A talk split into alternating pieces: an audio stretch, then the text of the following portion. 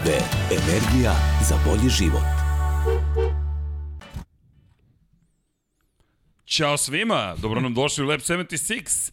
Neke stvari se ipak menjaju. Počeli smo na vreme, potpuno me Vanja zbunio. Ja gledam u računar, jednom nismo stigli. Ćao svima i dobro nam došli. Nadam se da ste spremni za izdanje broju 149, je li tako?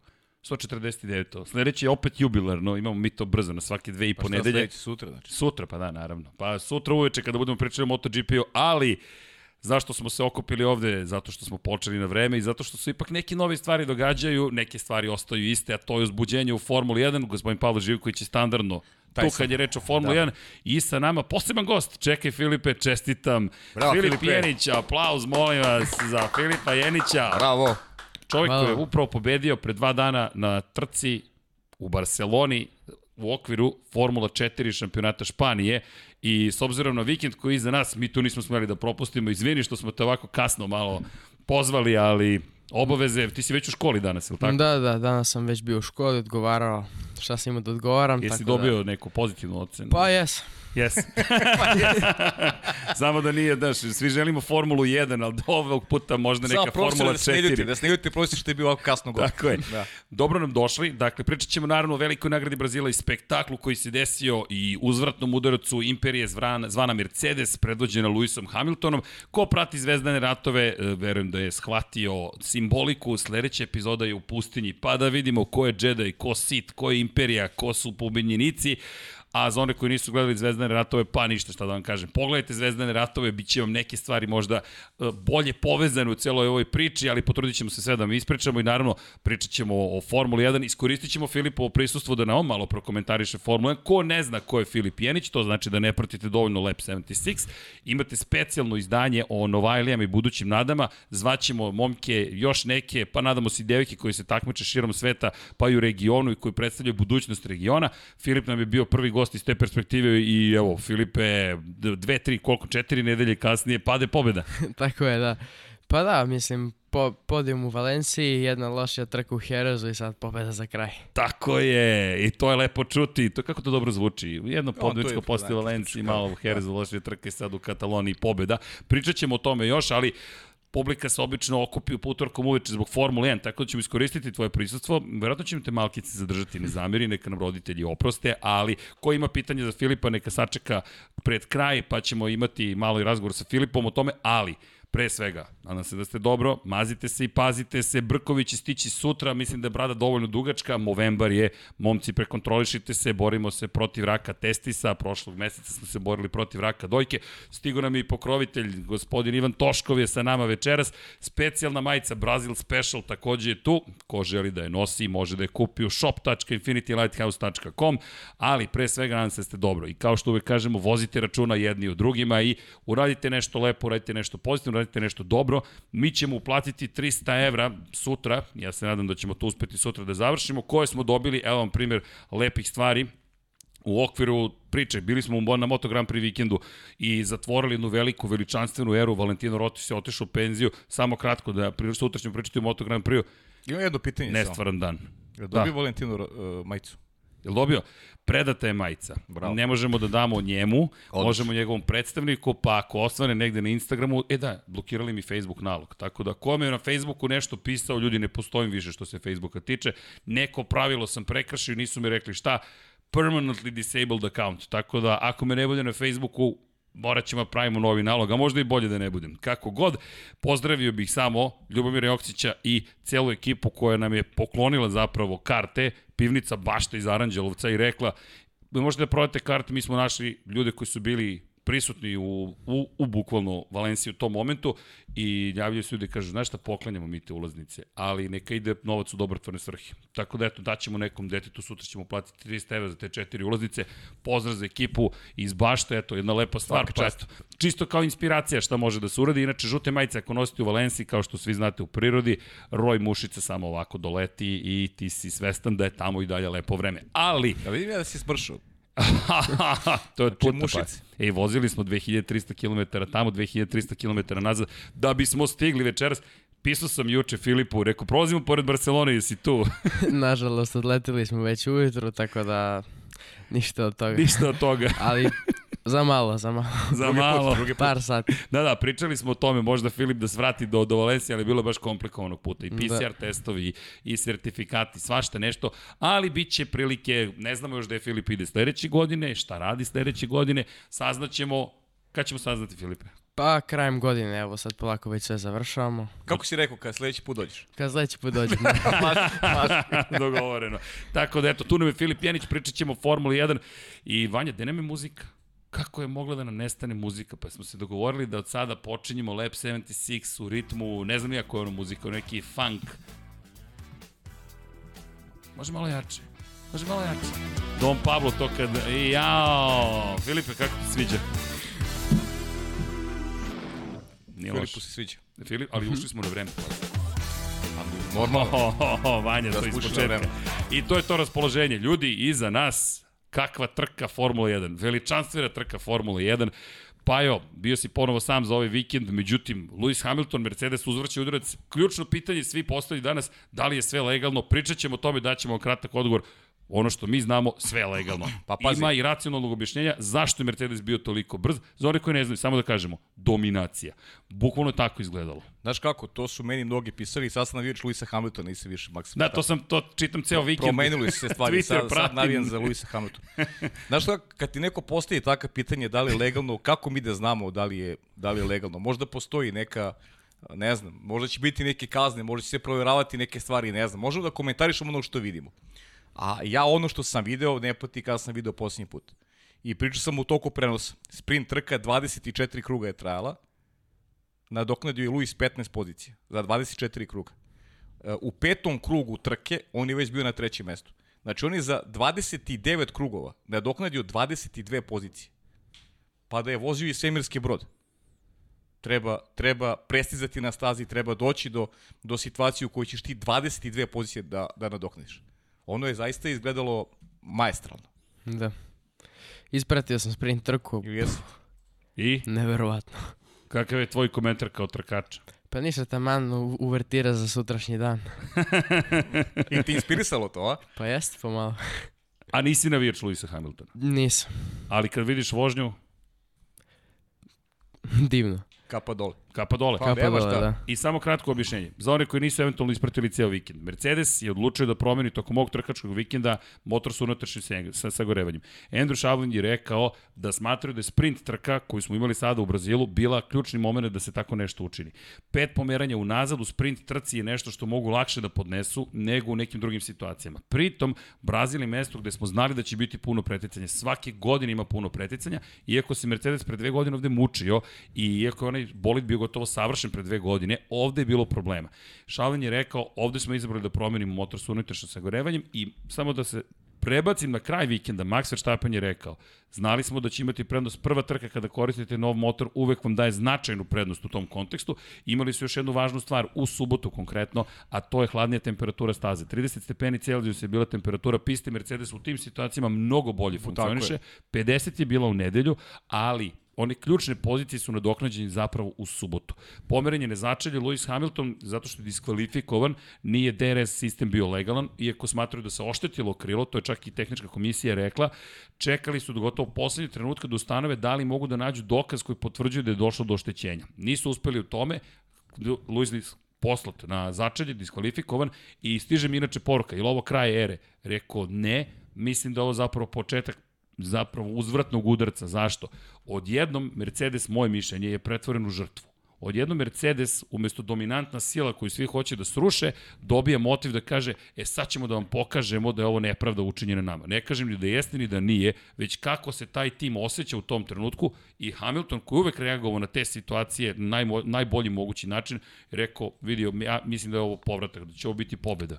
Pa Tako mi delovalo. By the way, mislim da, da sve što se dešavalo vezano za, za kazne do ovog puta nema niko pravo da kaže bilo šta. Da su sve bile kazne u, u skladu sa onim što su i ta neka tehnička pravila, tako da mislim da i u Mercedesu nema razloga da, da se bune zbog toga. Ali lepo si rekao da su oni situaciju iskoristili, pretvorili je u svoj benefit. A, a sve što se dešavalo i na stazi i u subotu, rekao bih da, su, da ovog puta sudije nisu bile pristrasne, nego su, nego su odreagovale u skladu sa onim što su tehnički propisi. Zaista mislim tako ovog puta. Bez obzira što je što je e, su mnogi to protumačili u subotu kao uh, kaznu za Mercedes koja je velika. Mislim da da, da i Max Verstappen, čak i ta kazna novčana sređena, znaš i sam šta, kažu, šta kaže pravilnik, svaki prekršaj koji se napravi u Park Fermeu uh, traži, uh, brišu se rezultati u principu. Ti kad napraviš ozbiljan prekršaj u Park Fermeu, ti bi se brišu rezultati. To nije bio slučaj. Uh, Max Verstappen je dobio novčanu kaznu. Da. To je neka, tu je pronađeno neko, da kažem, kompromisno rešenje. Ne znam zbog čega, ako su ustanovili već da je napravio neki ozbiljan prekršaj, a bili smo svedoci, imamo one, one primere od ranije, Sebastian Vettel imao slične ispade, pa nikada nije bio ni procesuiran po znacima navoda, e, nikada se nije vodila debata oko toga da li treba da bude kažnjen, tako da mislim da je tokom vikenda manje više sve bilo e, u skladu sa onim što su tehnička pravila. Međutim, ono što je e, McLaren, što je u stvari Lewis pokazao na stazi, ono je nevjerovatno. Ja zaista ono nisam video u skorije vreme. Možda čak od kako radimo o Formuli 1 u direktnim prenosima da, da niko na ovako dominantan način nije da doknadio toliko pozicija i došao do triumfa. Čak i taj izlazak safety kara koji je možda uh, uštinuo negde, pomogao Luisu, on imao tad, u tom momentu deficit od 4,5 sekunde recimo u odnosu na Maxa, kada je izašao safety car. Tu mu je pomoglo da se približi brže uh, Perezu, ali misli da to opet uh, ne bi uticalo i da nije bilo safety kara, da ne bi ovaj uticalo na, na intenzitet Luisove trke i da ne bi uticalo na krajnji učinak vidi, mi već, ne, cijele sezone mi imamo pobjeda, drugo mesto, pobjeda, drugo mesto, zavisi kome šta pripadne. Na početku sezone, Lewis Hamilton u prve četiri trke, tri pobjede. Tri pobjede u prve četiri trke. Jedno drugo mesto je imao samo i to je bila jedna pobjeda Maxa Verstappena. Tek se razbila ta njihova dominacija u Monaku kada je sedmi bio Lewis Hamilton i posle toga, posle Azerbejdžana, Max Verstappen koji beleži tri pobjede za redom. Mnogi su pričali o tome u kom trenutku da je Mercedes sad odjednom kao svemirski brod. Ljudi, to je samo dati trenutak. I iskorišćeni trenutak, Mercedes je imao i sreće i zaista mislim da, da je urađeno mnogo toga što je išlo na ruku Mercedesu baš zahvaljujući tim kaznama. Zašto? Zato što kada se probudi taj inat, ti imaš te sportiste koji vole da budu negativci i to je da budu žrtve. I ti staviš Lewisa Hamiltona u sistem i to je rekao Toto Wolff. Kroz celu svoju karijeru je bio žrtva. E sad, da li je zaista žrtva ili to percepcija sobstvene pozicije pa, da si žrtva, god. kako god na njega to pozitivno uticalo. A pazi, ja mislim Americi, da nije bio žrtva, ali je tako Tako je, ja isto mislim da nije žrtva. Ako ti si, si napravio, pravilnik. ako si ti prekršio pravilnik, ako se sa četiri instrumenta proveravalo da li si prekršio, stanovilo se da jesi, ti si prekršio pravilnik. I imali to je to. Smo, izvini, imali smo to pitanje za Sebastina Fetala kada je diskvalifikovan u Budimpešti. Zašto diskvalifikovan? Kvalifikacije za tako minoran prekršaj. Prekršen je ta tehnički pravilnik. Onoga momenta kada se prekrši tehnički pravilnik, ti to najbolje znaš, da tvoje vozilo je neispravno, ne postoji kazna druga do diskvalifikacije. Eventualno može da bude veća diskvalifikacija ako si ti to planski uradio. I to je to. Ovo je splet okolnosti, ali poslat na zadnju poziciju i to je to. Sebe vidiš kao žrtvu. Ja sam bio ubeđen da će pobediti. Posle toga sam bio ubeđen, jer to je ono što te hrani kao sportistu, kao čoveka. Aha, osjećaj nepravde, neko mi je nešto učinio, sad ću svima da vam pokažem. A to je čovek koji pa čime god da je ostvario, neki najbolji bolid na planeti Zemlji ikada. Jeste, pa ja sam rekao, neki svemirski brod. 100, da. po, 100 pobjede. Filipe, kako je doći do prve pobjede? Neverovatan osjećaj. Tako da, mislim... Koliko truda je potrebno za to? Ogroman trud, ali kako se zove, sad je želja još veća, jer smo pokazali da to možemo. I sad, da. zamisli kada si u Formuli 1, zabeležiš pobedu, imaš neki bolid i kažeš sebi, ja želim ovo. I želi u svakoj trci, to verujem i Lewis Hamilton, ove sezone mu to ne polazi za rukom. Ako pogledamo, ovo je prva pobeda još od velike nagrade Rusije tri za redom, peta pozicija, druga pozicija, druga pozicija. Mercedes ne može da kaže da je dominantan, ali Racionalno objašnjenje, pritom dalje legalan. Nemamo savršen odgovor na to Ma pitanje. nema, mi, mi verujemo to i ne da jeste, ljudi. Ve, verujemo da jeste, drugačije. ali mi to ne znamo. Delegati su tu da, da to pokažu da li jeste ili nije. Red Tako Bull je. ne smatra da je ilegalan Tako bolid. Je, da. Red Bull ne smatra. Tako je. Da li zaista neko misli da Christian Horner, Max Verstappen, Helmut Marko ne bi otišli i prijavili bilo kakvu nedoslednost? Zašto je kažnjen Max Verstappen? Zato što je pipno zadnji krilo na bolidu Mercedesa to se smatra prekršajem, iako, kao što si rekao, Sebastian Vettel je znao za nos da hvata ceo yes, Mercedes, da ga gurka, da ispituje, da viri u kabinu, nikad nije bio kažnjen, ali ovo su specifične okolnosti i vratit ću se na okolnosti kad dođemo do kruga broj 48, tu me mnogo zanima tvoje mišljenje. Samo da nam ne pobegne, mnogo je bilo priča. Mercedes promenio motor, potpuno nov motor u Brazilu, 700 metara nadmorske visine. Naše očekivanja su bilo da Honda ovde izdominira. Yes. I šta si rekao prošle nedelje? Može da se desi da na stazi za koju kažemo Hondina da pobedi Mercedes. Pa ne, znaš šta je, to, to je sad ono što, što je karakter Luisa Hamiltona i, i to neko iskustvo koji ima sedam osvojenih šampionskih titula. Uh, on ima jasnu matematiku pre dolaska, imao je jasnu matematiku pre dolaska u Brazil, trebaju mu četiri pobede. On je, uh, on je prvo upisao. I do kraja sezone, s obzirom da je Čeko Perez u posljednjem krugu ukrao najbrži krug Luisu, 14 pojena razlike je što e, u, u matematici jasno sada govori o tome da Maxu do kraja sezone trebaju dva druga mesta i jedna pobeda, da bi bio siguran šampion sveta. S druge strane, Luisu je neophodno da tri puta pobedi. Ako pobedi Luis sve tri trke, ne zavisi ni od koga. On je šampion sveta. On brani titul.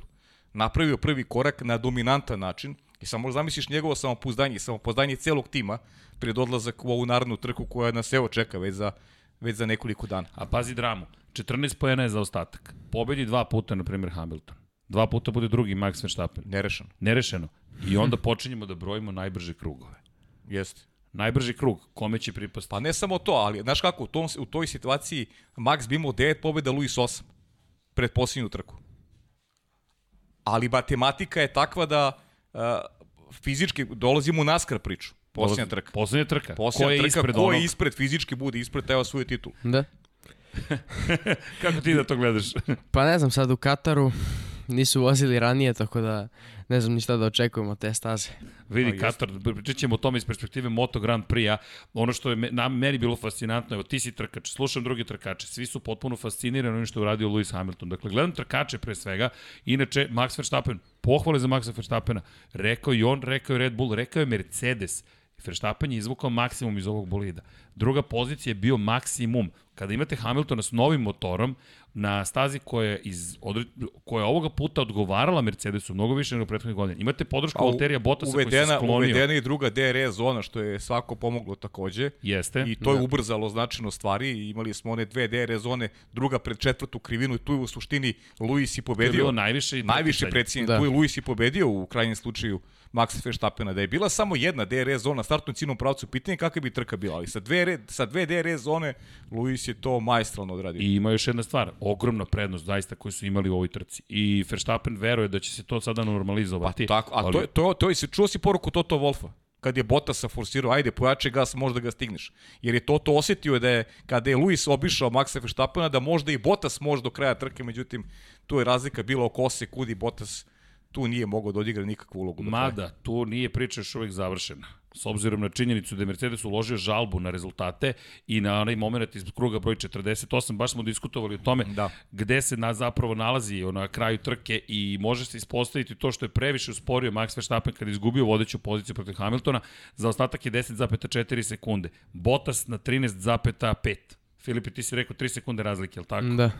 Ako dobije kaznu post festum, posle trke, Ne 5 verujem. sekundi pomeranju nazad, izgubit će i poziciju broj 2. Ne verujem, Ne verujem ali Mercedes je povukao svoje potezi. Samo jedna stvar, ljudi, gledajte između redova šta se događa. Toto Wolf šta poručuje koji je rekao nema više diplomatije. Od sada rukavice su skinute, ja ne znam kad je bilo diplomatije, pazi, su skinuli rukavice odavno. Znaš šta je rekao i doktor Helmut Marko?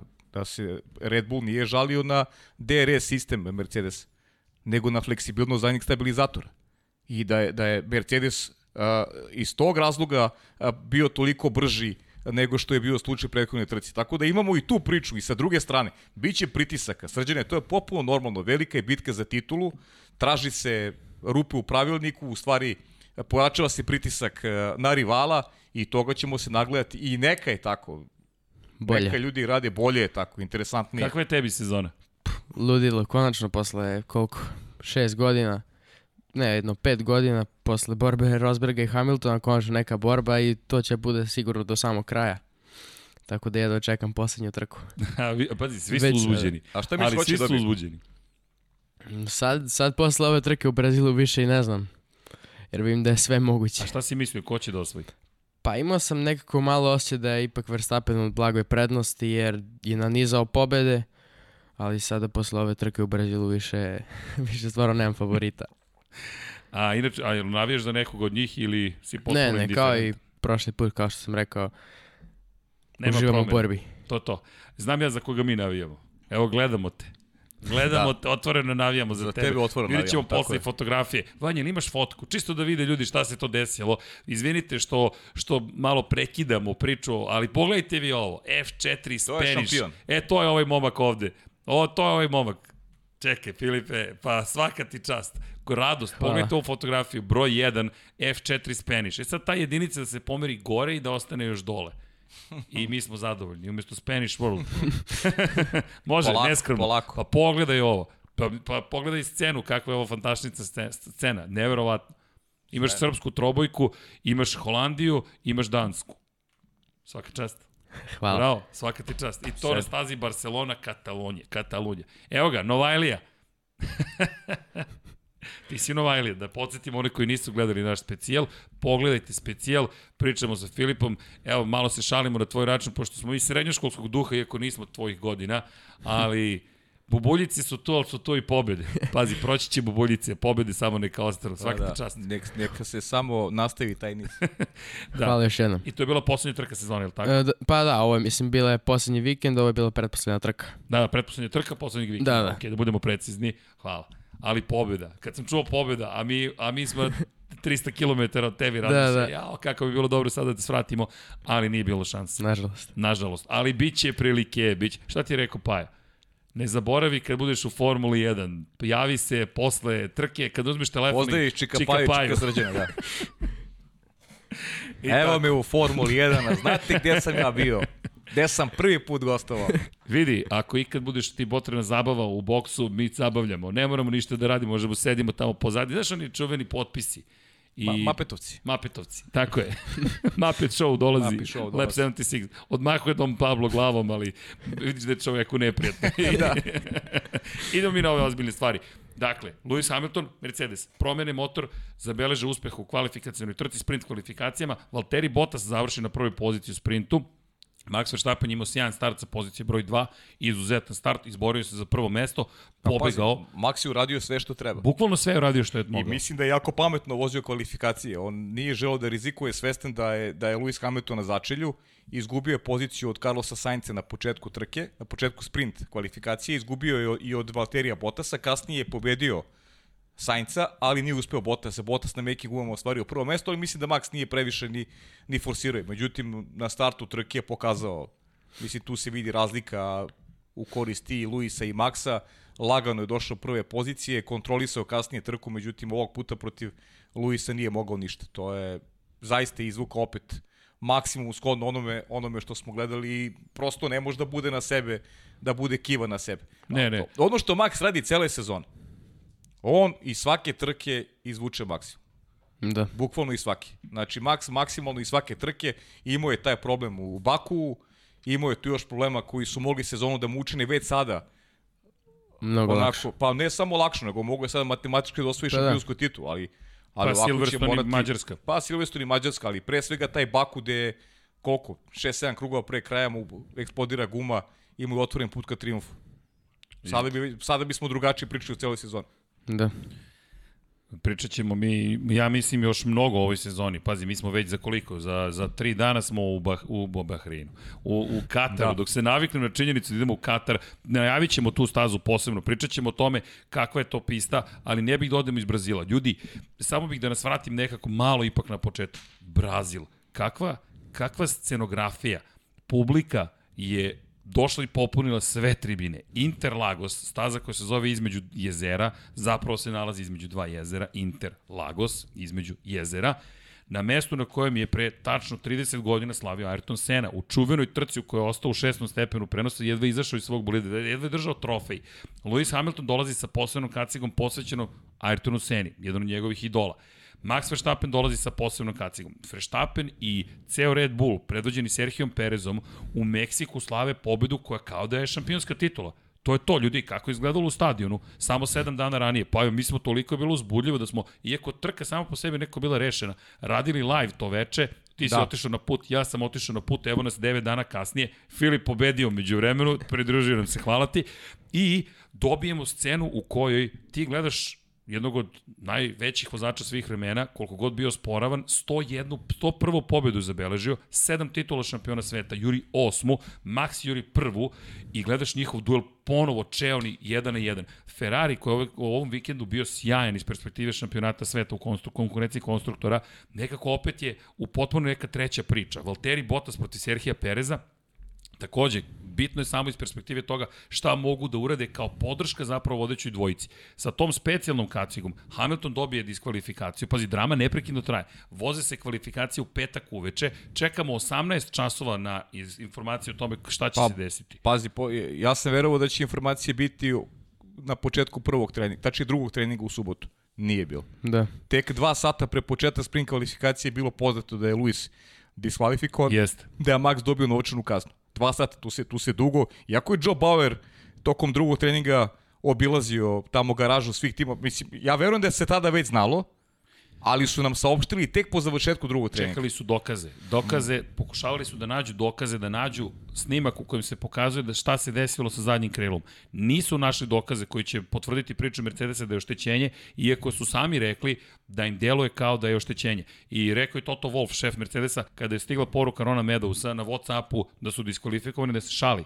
Zapravo je mislio da se njegov član ekipe šali, jer je gotovo nemoguće da budu diskvalifikovani iz njegove perspektive. Međutim, diskvalifikovani pomereni na začelje, Luis dolazi do pozicije broj 5, Bottas osvaja prvo mesto, Verstappen, neko je prokomentarisao, mislim naš kolega Nikola Nedeljković. Pozdrav za Nikola Nedeljkovića. Čekaj, još jedan od ljudi koji podrža, ko, on te podržava od samog početka. Da, tako? da, od samog početka. Poleposition.rs, je li tako? Tako je, da. Poleposition.rs, posetite sajt, Nikola je jedan divan čovjek, Imaš, divan neki, imaš neki, neka privatne pitanja ili za tebe, to ćemo kasnije. Ima dosta dođe. pitanja za tebe, baš, baš, baš. Malo oko čekaj, pitanja ima, došao da nam je znaš. neki troll. Jesi igrao da fudbal? Jesam. E pa, eto, vidiš kako ljudi znaju da se igraju fudbal. Dobro. E, banovali smo Nin, Nino Ninija. E, inače, neko mi je prijavio Facebook profil. Ta na na na na na na na na na na na Ušli smo u zonu sumraka. Tako da, ljudi, to znači da se Lab 76 gleda. Prijavljeni smo A dobro, i banovani. Ali kad Ne malo znam. preko toga, zaista ta diskvalifikacija, ne znam, znaš, to, to je sad pritisak. Zašto ču, čuđenje? Malo pre si rekao, ista priča je za Sebastina Fetela, koji je izgubio drugo mesto u trci e, zbog tehničkih pravila. E, isto, isti je slučaj i sa Mercedesom. Mislim da je Toto Wolff to vrlo dobro zna, Toto Wolff što radi. To je dodatni pritisak, potpuno, potpuno realna kazna za ono što su napravili. Potpuno Pa da. realna kazna. Pravila su E, pravila. Pravila su pravila. Pritom, ono što ne može se dokaže. Zamisli kakva je kazna ako su to uradili namerno. Da. A to je nešto što ne možeš dokažeš opet. Znaš, mislim, to je, to je sad drugi segment priče. Ali u takvoj situaciji, sa kaznom, sa svim tim što se dešavalo, poenta, ajde da bude poenta ono što radio čovjek na stazi. A to je poenta. Lewis Hamilton. I jeste. To je poenta. Ali A mislim zajedno. da je sve bilo, da je sve bilo u skladu sa nečim što treba da da bude Formula 1. Da, da, da su Ma se poštovale regulative apsolutno. Pazi, čak i tu, tu je, mada imam ja tu, imam, imam, imam diskusiju na potezu u, u krugu 48 i, i kako to izgleda, iako sam na strani onoga što je na kraju odlučeno, ima tu puno problema. Presedani se neki postavljaju, ali to je opet sport, vrat, doći ću na to, baš tebe hoću da pitam, mada sam ti najavio ranije, zašto? Neko mi je rekao prošli put da te puštam i kada se zaletiš možda i neka reč izleti koja ne bi trebalo, samo da vam kažem zašto neću to dozvoliti ako ja mogu da sprečim Filipa u tome. Filip tek gradi karijeru. Kada Filip za 20 godina, nadam se, bude pričao o uspešnoj karijeri, onda može da pravi neke ispade. Zašto? Zato što, nažalost, često se ljudima zloupotrebi bilo kakav ispad. Filip je mlad čovek, pričam u trećem licu, ali tu je pored nas. Mi nismo toliko mladi i znamo kako može da se izvuče reč i zloupotrebi. Zato mi smo tu da zaštitimo Filipa od njega samog, kao advokati. Zato što Filip je čistog srca, ali mi moramo da budemo profesionalni i da mu ne dozvolimo zato što je mlad da uradi neke stvari koje možda zvuče sjajno, ali ne treba sada da budu takve. Dakle, za 20 godina Filip će onda da priča potpuno otvoreno, kao i svi šampioni. Do tada gradi se karijera, ponašamo se mega profesionalno, pomalo konzervativno u komunikaciji i mi čuvamo jedni druge. Tako da to je ekipa Lab 76. Mi smo ti se, jel te, najavili da ćemo te podržati, ja čekam dan kada ćeš ti doći u situaciju da kažeš, a to će biti vrlo brzo, ok, koga ću ja da podržim? Samo da znaš što će da se desi, jer to se tako se stvari okrenu, a mi ćemo biti tu uvijek da podržimo mlade ljudi, da, da vas poguramo, a posle kad odete, samo vi budite uspešni i to je to, ništa drugo mi ni ne tražimo. Ali, šta je poenta cele ove priče? Trkački vikend je bio sjajan, na ovaj ili onaj način. Jedna strana izgubila, jedna je pobedila. Uvijek postoje strane, nekako se ta podela stvorila, ali ja vas molim, uživajte onome čemu prisustvujete i, i vodite računa samo i o rečniku i o Pa načinu dobro, da, da- da ti komuniciramo. kažem, to je poenta cele šta, priče. a, lepo si počeo temu, mi smo sad stariji pa nam je lakše da koristimo racio, znaš. I ja sam dobio, Jest. ja sam dobio svakve poruke sada po svoje trke. Verujem. I nemam problem s tim uopšte. Nemam problem s tim zato što, zato što je takva sezona, pa mogu da razumem, jer, jer ovde pogotovo ljudi su, ovo je tako podeblje, ljudi su strastveni i uh, evo, to ti je futbol sada. Sada je stras, sada, sada su oni najbolji na svetu. Sutra kad izgube prvu utakmicu biće najgori na svetu. I to mi smo takav narod, Da. da. takvi smo. Ne samo mi, nego generalno tako podobni. I takve strasti sada imaš tabor, tabor, Max Luis. I ljudi ne mogu, znaš, teško im je da koriste raciju. Nego gledaju, ovo, da je vozio Max ovakvu trku, najjači Max Verstappena bi bili egzaltirani. Pisali bi bajke. I bilo bi, bilo bi im super što vozi takvu trku. Slažem se, E, da. pošto je vozio Luis, njima, njima to ne odgovara. Znaš, to je sad, ima, ima neko ali, zašto je on to vozio. Da, da je po, u, u suprotnom smeru Luisu, nejači bi rekli, ima neko ali kod Maksa. I mi smo prosto takvi i to moramo da prihvatimo kao takvo i ja stvarno nemam problem nikakav sa tim. Jer ja kad sam bio isto klinec, ja sam bio onako malo strastven kad je pitanje Ayrton Sena, pa nisam mogao da vidim racionalno i prosto Srki moramo to i da prihvatimo i, i da ne prijemo u tome neku, neku veliku priču. Neka ljudi tumače kako god žele, samo neko uživaju u trkanju i to je poenta cele priče. Na kraju će svima onako, kad se završi sezona, mislim da će svi shvatiti da, da smo prisustvovali istoriji, jednoj od najlepših sezona u istoriji. Eto, to je to. Sigurno, da. Kako je tvoj utisak o sezoni? Ono što si rekao, ali dobro, treba da, šta tebe da pitam sad o istoriji? Ti koliko imaš godina? Da. 16 sam tek napunio. Čekaj, ti si se rodio 2005. kad je da. Alonso postao šampion. pa da, mislim. A imaš neko ko ti on, da, ko ti je kad si bio klinac da si se, ne znam, ono, da si se ovaj, poistovetio s neki, da ti bio onako... Pa da, da, pa pričao sam Pričaj. Felipe A jesi, Massa. ja izvini. A Felipe Massa. Ima Kad je on- masinu, pa da, da. Kako je on napustio, tako ja sad samo gledam objektivno E, na pa celu situaciju. bravo. A pazi, bravo. bio je Rubens Barrichello. E, inače, Barrichello bio treći u trci podrške u, u, u Porscheu e, pre početka Formule 1. Brazilci na Da. svom terenu. to je taj osmeh. I Masa je, Masa je radio one intervjue. I jeste, ali čekaj, ljudi, u Ali znaš, i- Brazilu in, se sve ovo in, intervju, dešava. intervju sa, opet intervju sa se Lewisom Hamiltonom Da. i opet ga je Lewis podsjetio na... Jel mu rekao? Pa opet ga je podsjetio na onu sezonu. Nije, nije, nije propustio priliku. Da. Koja beše, 2007. 2007, O- 2008. osma. Osma, da, Sedme pardon. Kimi. Da, da, Sedmi Kimi, Kimi, Kimi koji nam ide u penziju, polako li sigurno, ali pazi, Kimijeva penzija, tako, toliko je velika sezona da je Kimijeva penzija nekako u senci cele priče. Evo, gledamo, Valentino Rossi se penzionisao, cijela sezona je stala u njegovu senku. Pa- Ovo je takva sezona i Kimi nije više, A dobro, nije takav. Kimi, Kimi nije Rossi, ajde, budemo i realni. Ja volim Kimi, ali Kimi nije Rossi. Činjenica. Da. Budemo iskreni. Ali ono što, što je meni dalje fascinantno jesu scene. Zaista jesu scene. Dakle, imaš celu priču u Brazilu i neverovatna trka. Max Verstappen koji se sjajno branio. I meni ta odbrana pozicije zanima iz tvoje perspektive. E, Budi, budi pazi, politički korektan. Ti moraš da budeš politički korektan, izneseš mišljenje, ali moraš da vodiš računa o izboru reči. Zašto? Zato što si na u javnosti si, u mediju si i to će ti se pamtiti, tako da izvini što te ja podučavam, ne solim ti pamet, ali samo budi oprezan. Zašto? Meni je ono fascinantno bilo. Dakle, imamo Maxa Verstappena koji brani poziciju, približavamo se krivini u levo, krivina broj 4, kurva del Sol ostaje tamo iza, DRS se otvara, Hamilton napada, ima blagu prednost pred ulazak u krivinu, Verstappen počinje da skreće i blago nastavlja šire nego što bi trebalo. Hamilton nastavlja još šire, izbegava se incident, vraća se na stazu i sudije kažu nema ni potrebe za istragom. Ja se slažem. Šta misliš šta bi Luis uradio u toj situaciji da je bio Max? Isto, apsolutno identično. To smo Da. videli. I jedan i drugi rade isto. Međutim, aj, ima, ima tu par stvari. Iz tvoje perspektive trkača, kakav je to potez? Pa možda blago prljav od strane Maxa jer se vidi kako se zove promjena pravca. Samo je nastavio pravo, mislim. Takva je bila situacija, imao je veću brzinu svako Hamilton i pokušao je malo to da odugovlači.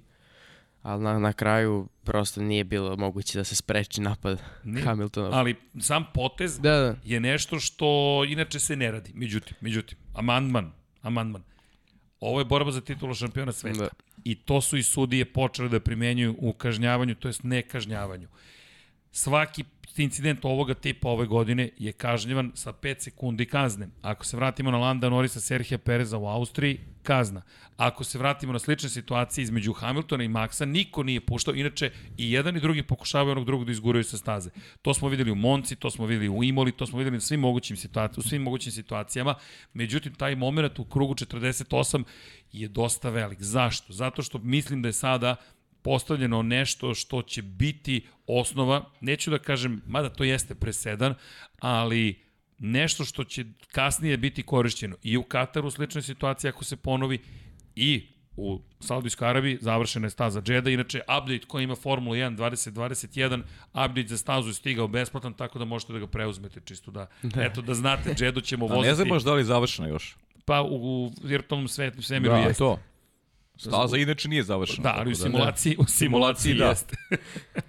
tako da imaju još dve i po nedelje da završe stazu, ali mi ćemo, nećemo večeras voziti, nismo je ni preuzeli, a s druge strane dolazimo i Jas Marinu. Tako da imamo tri trke pred nama i ovaj potez mislim da će biti potez koji će biti ka- kasnije ponovo korišćen zapravo da se kaže, ako tada nije bilo kazni nije bilo analize, ne treba ni sada. Međutim, Mercedes je uložio žalbu na to. Zašto? Mercedes je rekao da nije bilo dovoljno dostupnih dokaza u tom momentima sudijama da pokrenu istragu. Šta je nedostajalo? Snimak Maksovih ruku. Da.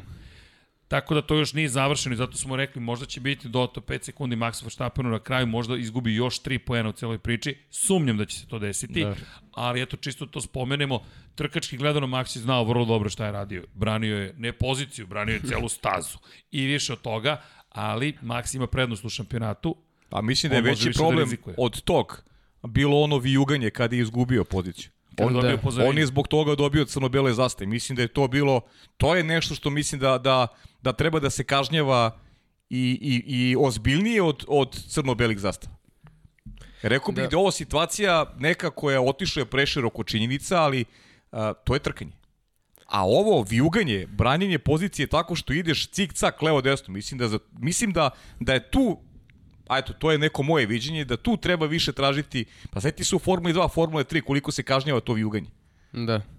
Mnogo se ozbiljnije kažnjava vijuganje, o, o, ovo zaista je bilo A baš, bila je baš dosta preterano. mala distanca Da. između... Da, baš je bilo, baš je bilo preterano. Ali epilog, epilog je ono što smo svi očekivali da će se da će se dogoditi, a to je pobeda Luisa Hamiltona. Pa Bilo da. samo pitanje moment Pa da, 15 krugova pred kraja Pa da. morala se desi. moralo.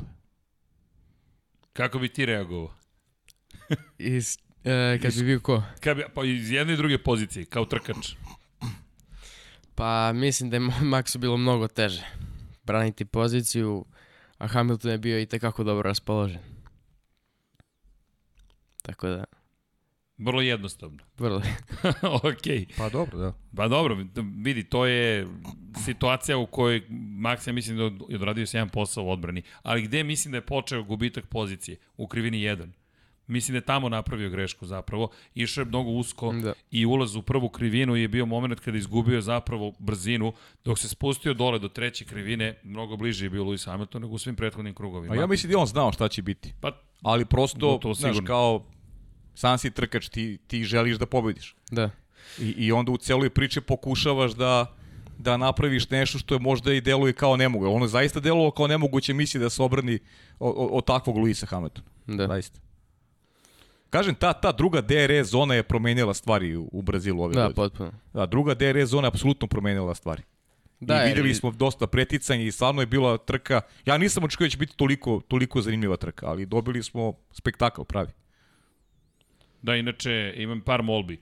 U četu, ljudi, molim vas, bez ružnih reči, psovki i svega ostalog, ima neko pitanje zašto je Filip uplašen. Verujte, Filip nije uplašen. Sve je samo ne uplašen. Filip je ovde posle školskog dana i mi čekamo i trenutak kada ćemo pričati o Filipovoj pobedi u Španiji na Formuli 4, ali znamo šta je prioritet Formula 1. Hvala ti za tvoje vreme i ne zameri što, što, što čekamo i taj trenutak kada ćemo o tome pričati. Prosto smo želi da iskoristimo priliku kada ste svi tu na okupu, da da i proslavimo pobedu, ovo je velika pobeda u jednosedu, ja ne znam, poslednji put Miloš Pavlović kada zabeleže pobedu se desilo da neku jednosedu zapravo sa ovih prostora zabeleži takav triumf. Ispravime ukoliko grešim, ukoliko grešim, tu vam je čet ljudi, ispravite me takođe.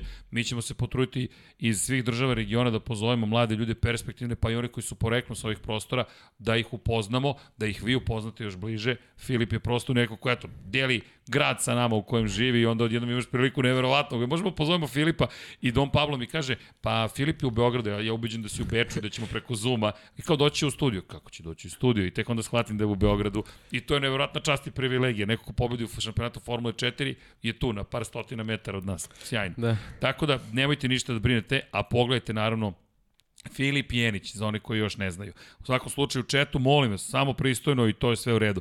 Inače, e da, Martin Kodrić, Karlo World, da, Martin Kodrić nam je na spisku, ljudi s kojima hoćemo da stupimo u kontakt i imat ćemo posebnu emisiju sa Martinom, ako ne budemo, ne budemo u mogućnosti da bude baš u studiju, Zoom je tu, lepo ćemo se ispričati pred da, Martina Kodrića.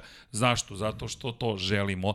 A što se tiče trkanja, let them race je isto filozofija koja se spominje i ono što jeste činjenica da, da smo imali u tom 48. krugu zaista neverovatnu situaciju u kojoj silaze sa staze u bilo kojoj drugoj trci, u bilo kojoj drugoj situaciji, gotovo 100% kazni ide Maxu Verstappenu. Mislim da smo pa ušli u period kada je veličina njihovog duela i situacije došla do toga da i sudije pokušavaju što manje da utiču na ishod u šampionatu sveta. Jer to je moment kada bi mogla da dođe do promene u samoj trci i kada je reč o poenima možda da budu presudni poeni i da su ih bukvalno pustili da se trkaju. Sudije su uticale dosta na šampiona svojim odlukama, to je moje mišljenje tokom dosadašnjeg dela sezone i govorio sam o tome i stojim pri tom stavu.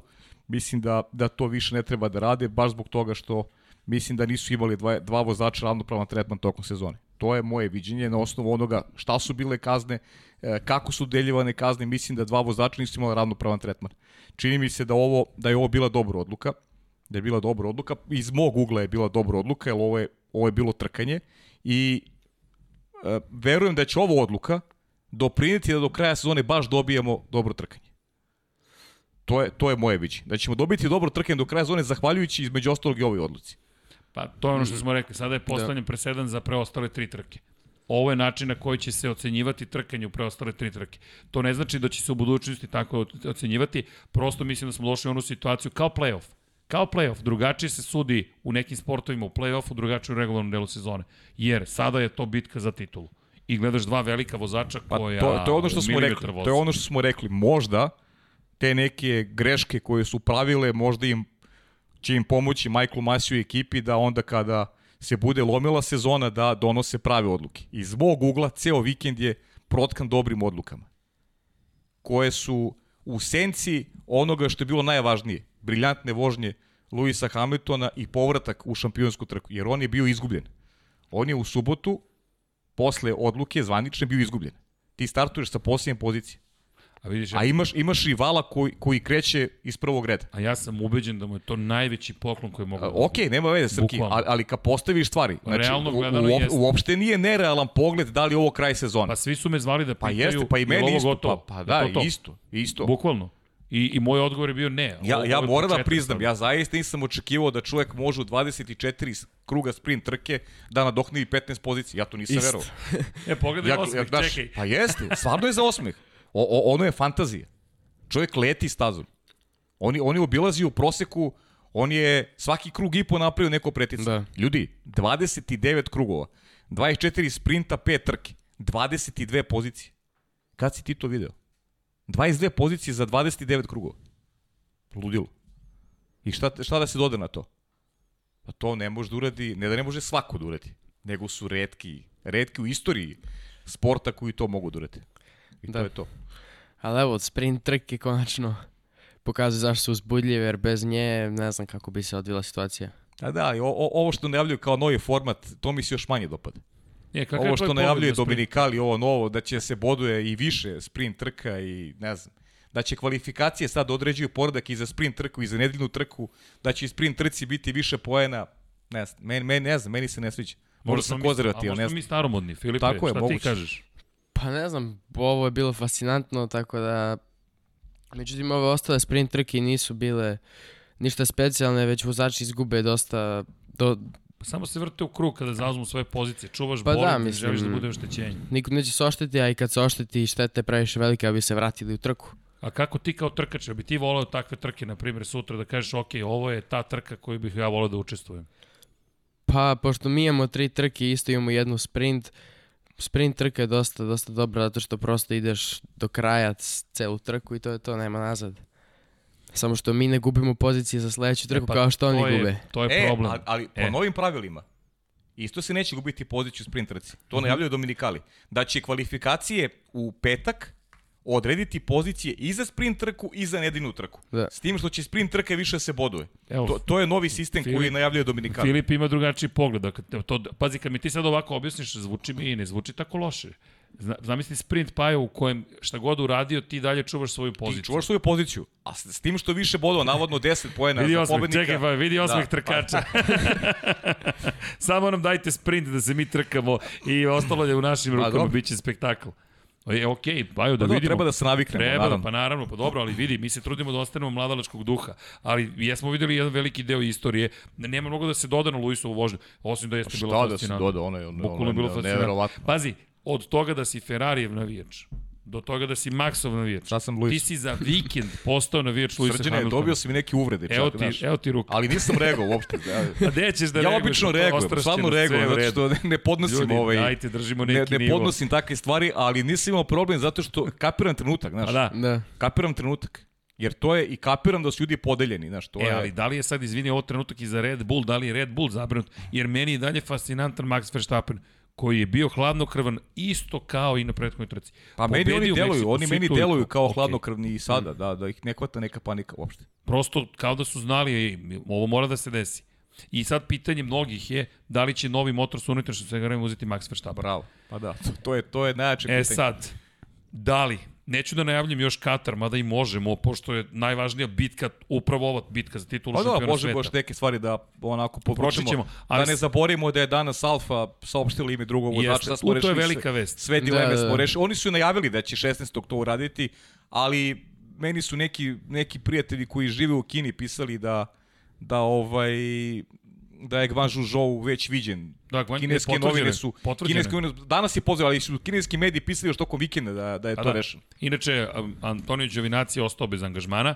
Postovao je sliku na društvenim mrežama na kojoj je Ferrari kao maketa u kojoj on sedi kao klinac i rekao je moja prva fotografija Formule 1 i ovo što se danas desilo nije moja poslednja fotografija Formule 1. Tako Pa da, dobro, može da ostane test, te, Ferrari. može da ostane test vozač u Ferrariju. Pa da. Tako da to je jedino, to će vjerojatno i biti opcija za sledeću godinu. Da, tako da vidimo ovde čudne situacije, ali dobro. Nemamo, ili imamo neke ponovo, nemamo, dobro. Neko je rekao da prekidamo večeras ljudi, imamo malo, malo pa se pojavi neki bot dokoni, ali šta da radite, popularni smo, kao rudnik zlata, pa, pa dođu trolovi. U svakom slučaju, kada pričamo o, o, o Kataru, zašto je to možda zanimljiva opcija za Red Bull? Katar ima veoma dugačak pravac. Katar je staza na kojoj možete da razvijete visoke brzine i ono što je zanimljivo, Katar je u simulatoru, to je Alex Albon pričao, Red Bulla, staza u kojoj su to uglavnom krivine visokih brzina. Četvrti, peti stepen prenosa u Formuli 1, vrlo malo je sporih krivina, MotoGP je... Kako? Antoni, izvini, vratit ćemo se na to. Čekaj, čekaj, Da, sad si me, sad si A, okej, tiltovao. ali- Ok, ok, doći ćemo. Da, Va- Va- Vanje, samo da kažem, hvala, nisam to rekao, ali Antonio Giovinazzi ima svoju budućnost u Formula E, nego ne, ja pre, ne, ne, sve ok, nego sam samo, samo sam ispao iz, iz misli sobstvenih, ali poenta jeste da kada je reč o Kataru, četvrti, peti stepen prenosa, malo sporih krivina, MotoGP je staza u pitanju i to je dosta široka staza i do sada nismo imali Formula 1 nikada na ovoj pisti, svi prave simulatore, tako da, mada je rekao Max Verstappen da je simulator veoma loš Red Bulla, što treba zapamtiti, da uopšte nisu radili dobar posao, Alex Albon je rekao da mu se njemu dopada, međutim Max je bio mišljenje da uopšte nije dobra korelacija onoga što, to je njegovo mišljenje, što ih očekuje zapravo u Kataru i način na koji Red Bull pripremio simulator i simulator će igrati veliku ulogu. E, I sad, da li uzeti novi motor ako ste vi Honda i ako ste Red Bull? Pitanje od milijardu dolara, vrlo je teško. Mislim da je Mercedes postupio ispravno. Iskreno, pričali smo o tome mi tokom vikenda u, u Valenciji. Moje mišljenje je bilo da je Red Bull morao sada da uzme novi motor, bukvalno da pokrije ovo što je učinio Mercedes i da bude spreman za preostale tri trke, da ima na raspolaganju dovoljno motora da ih bukvalno ne zamerite na kolokvijalnosti, odvrne do kraja. Jer mi idemo sada na stazu na kojoj niko nije vozio još. Teoretski preticanja su moguća, ali to je samo teorija. To je pustinja, da li će biti peska na stazi, ne znamo.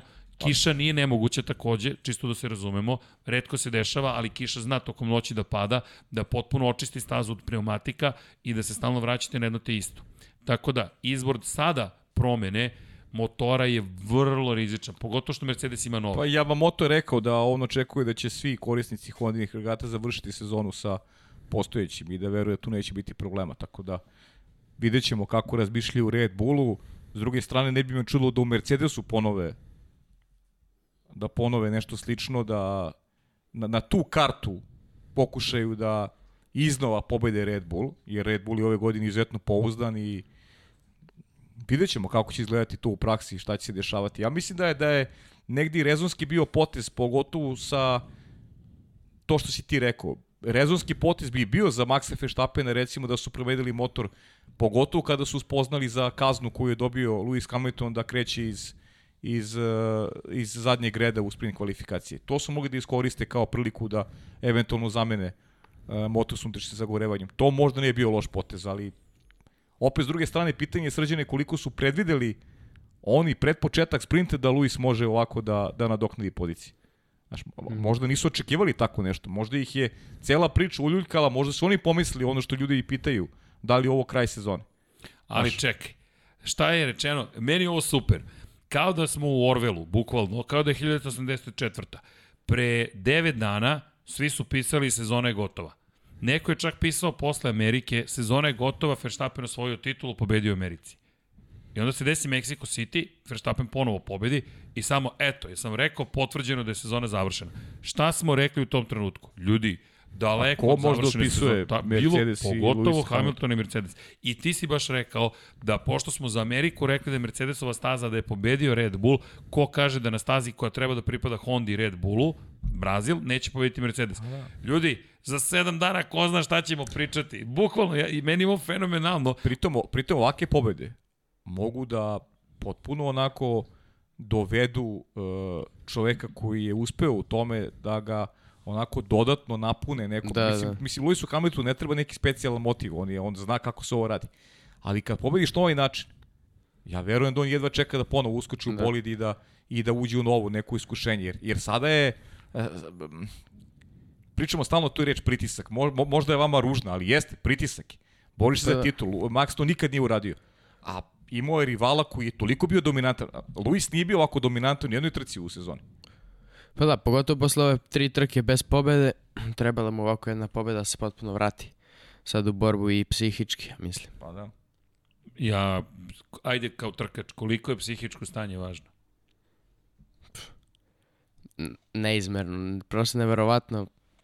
Kada si psihički, pošto znam, posle one pobede, treća trka, potpuno rasterećen, pun samopouzdanja, potpuno se drugačije gleda na celu trku, na celu sve je prosto mnogo lakše, samopouzdanje, prosto ulećeš tamo da nekad ne bi i tako. Ostvario se rezultat, miran si sada. Je to bila prva pobeda inače za ekipu? Da, da, prva pobeda za ekipu. Mislim, nisu imali ni podijum, tako da smo u Valenciji stvarili prvi podijum i sada i prvu pobedu. Vanja, daj fotku, molim. te. Vanja, daj fotku za one koji su na audio platformama, a vidim ovde prozivke u četu da nisam ni pročitao Patreone, nisam ni rekao udrite like niti subscribe, sami ste tražili. Tako da, sa ovim brojem 1, pogledajte ovo, Filip Jenić, to vam je pre dva dana u Barceloni, Formula 4 španska, ako pitate ponovo ko je, za one koji su se tek pridružili, Evo još jednom koska. Bravo, Filipe. To ti kažem, Vanja. Malo da malo. To je taj moment gde mi pomažemo Filipu da bi se znalo za Filipa što je više moguće. Zašto? Zato što to treba da se radi. U suprotnom, niko nikada neće znati za ove predivne sportovi, ove predivne ljude koji se takmiče, bore i trkaju. Tako se stvaraju karijere i mi ti držimo palčeve. Mada, samo da se ne dovežem malo, malo, malo pređašnju priču, Guanju Zhou, Kažu da ima 30 miliona evra sponzorskog budžeta da, to- to- za ulazak u Formulu 1. Da, to je stara priča za... za... Ok, Filipe, znamo koja nam je meta. Minimalac. Pa, da otvorimo ono- neka vrata. To je ono što ima ovde i kasnije ćemo tim porukama Igor Marković, koji ga dobro poznaje još kad je bio klinac, pa onako mnogo lepe stvari i rado ću da ih podelim posle ovaj, vezano za, za tebe, da. Spremi se. I mislim da će biti mislim da će ljudima mislim da će ljudima biti lepo da da čuju ko ne zna širu sliku da Ma neka pogledaju da Lab čuju. 76. Pa i to, ali eto i Ali- pogled sa strane ljudi koji su u auto sportu. udrite like, udrite subscribe, a onda i notifikacije aktivirajte, jer da ste aktivirali notifikacije kao pratioci Lab 76, sada biste znali ko je Filip Jenić, pošto imate ceo specijal poslaćem Filipu Jeniću, momku koji, eto, držimo mu palče kao i ostalima, i Martinu, i neko je pitao za Dina Beganovića, i sa Dinom ćemo da obavimo razgovor, i svima želimo da se trkate u Formuli 1 i onda da se mi lepo zabavljamo i da kažemo, ok, to je ta ekipa. Bićemo onda uživamo. Tako je. I onda skupimo ovde okrugli sto, veći sto kupimo i sva trojica dođete i pričamo. Ima neki tim za koji bi voleo da voziš u Formulu 1? Mm, Ferrari, već smo pričali. Ne, ne, ne, pa do, znam, znam da smo pričali. Da. da. Čekaj, Filip, ja sam sad medijski. Da, da, da. No, znaš kako, neke stvari ćeš morati ponavljaš, to Pa ćeš da. da. naučiš s vremenom, znaš.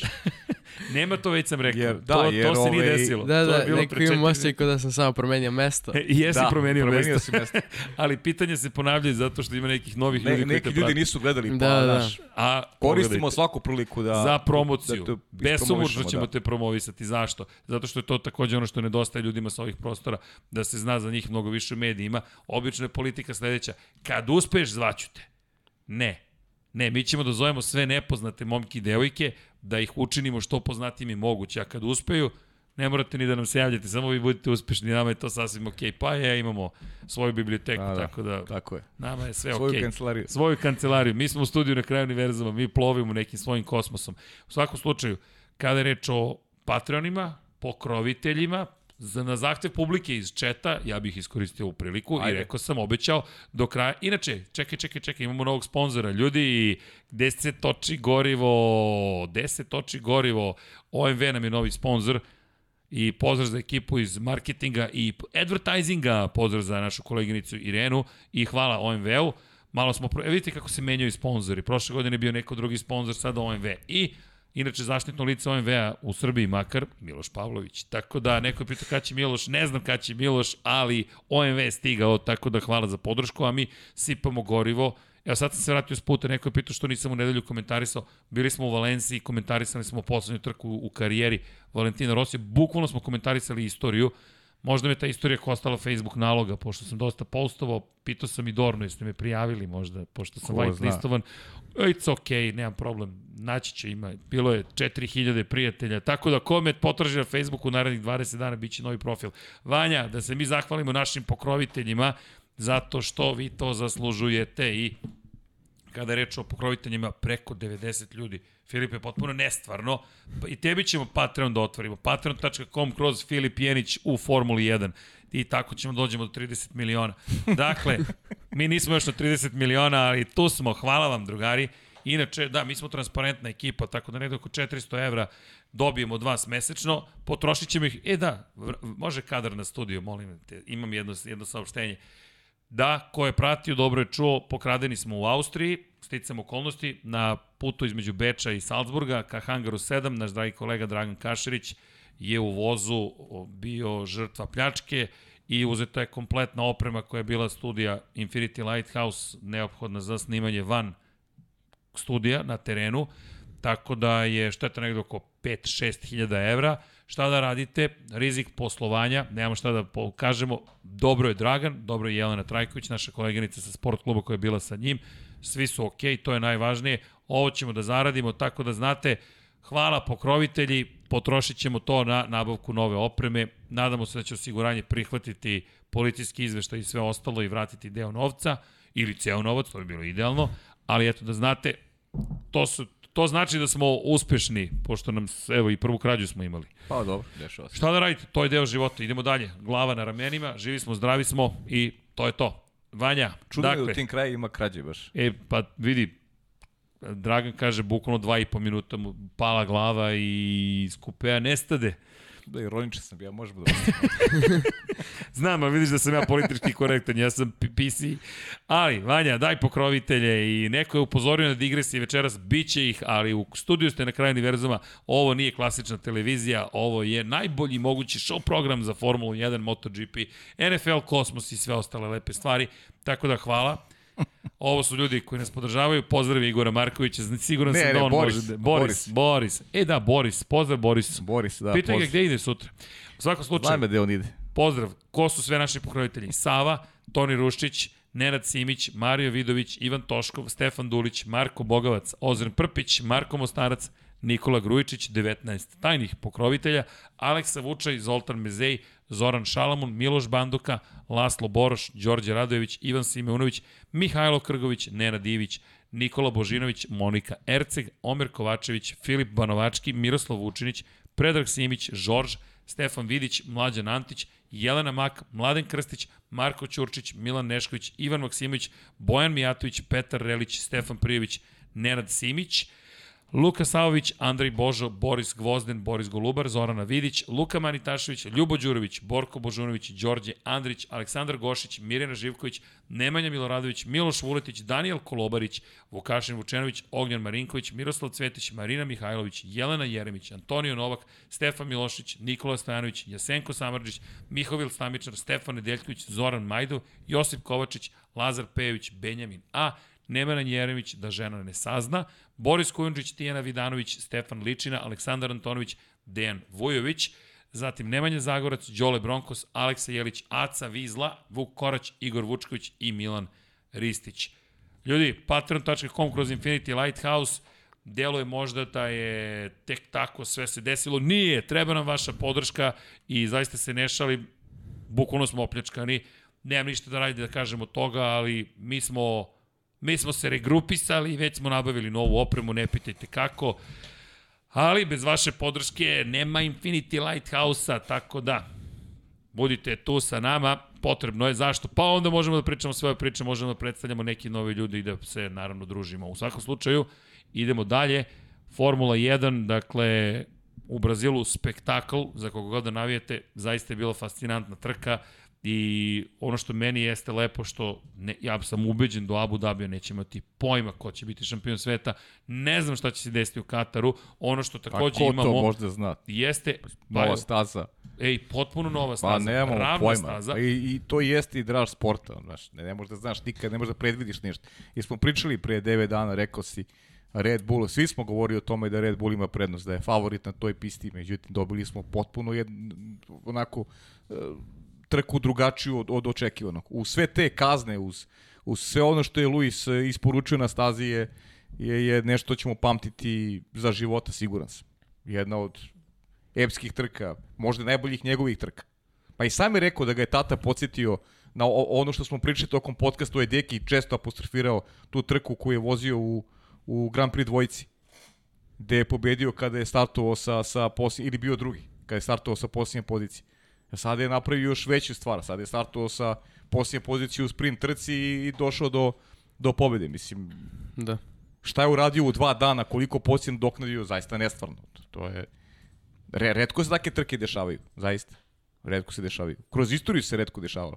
Da, pogotovo sa ovolikom razlikom na kraju trke. Pa da, i razlika i i, i sve, sve, što se, sve što se dogodilo je za svako ko gleda samo, ko ne gleda navijački, ko gleda, ko gleda e, onako sportski, Luis je napravio nešto što, što je zaista veliko. Baš veliko. Jeste. Trka koja će se pamtiti. Bukvalno će se pamtiti na ovaj ili onaj način. Pa i neko nam je sve u drugom planu, znaš, sve, u drugom planu. Ima, bilo je tu još Ferrari, Ferrari Ferrari, McLarena. pouzdan, Ferrari po, pouzdan, do, došli su do peta i šesta pozicija, podigli su prednost u odnosu na peh eh, Daniela Ricarda kome je eksplodirao motor pa, Pa je morao da završi Lando Norris, trku. početak Da. trke.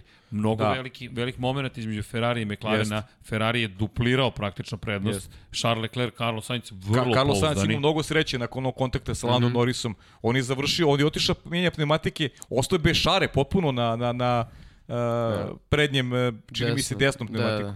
Potpuno bez šare ostao. Ali je izdržao pneumatik. S druge strane, Norris je morao da menja i to je na njega uticalo i tekako. Da. Ne znam šta se desilo sa McLarenom posle Sočija. Nije mi baš jasno. E da, Mhm. evo moja teorija je da je Lando Norris i dalje osjeća posledice onog gubitka prve pobjede. Ali kako je vozio sprintu, i si gledao? Jesam, ali m, to je samo moj utisak. I, i ima, i bilo je pehova. Pazi, odlično je startovao, on je pretekao Carlosa Sainca sa spoljne strane, da nije bilo kontakta, ko zna gde bi, na, gde bi Lando završio. I sjajno je vozio do poena, na kraju osvojio poen, iako je, bio, iako je ceo krug vozio praktično bez Sprintu je gume. nadoknadio, vozio je sjajno u sprintu. I on je vozio sjajno u sprintu. I rekao je čak posle sprinta da mu nije jasno odakle ovakav tempo. Ne, On je bio šokiran, mislim, tako je bar predstavio. Da je bio iznenađen kakav su tempo imali. Da, Da, inače- mislite bi trka bila dobra da nije došlo do tog incidenta. Ali pazi, prvo odustajanje Daniela Ricarda. Samo da podsjetimo, Ferrari 287,5 poena, ponovo rezultat kao i na prethodnoj trci. Peta i šesta pozicija, s tim što treba uzeti u obzir i da su imali treću poziciju u sprintu. Tako da su osvojili i dodatni poen. Tako da generalno kada pogledaš, Ferrari može biti izuzetno zadovoljan ovim vikendom. Inače, Matija Binotto je rekao da su bili izuzetno disciplinovani, da su sve zadatke sproveli u delo i ono što govorimo non stop, oni se spremaju za 2022. uveliko. Pouzdani vozači, pazi, ovo je četvrta trka za redom da oni završavaju među svačima poena. Četvrti i osmi u Turskoj, četvrti i sedmi u Americi, peti i šesti u Meksiku, peti i šesti u Brazilu. 287,5, a umeđu vremenu McLaren samo jednu trku koju su oba vozača osvojile da. poene. I to je bilo u Americi. 256 poena trenutno.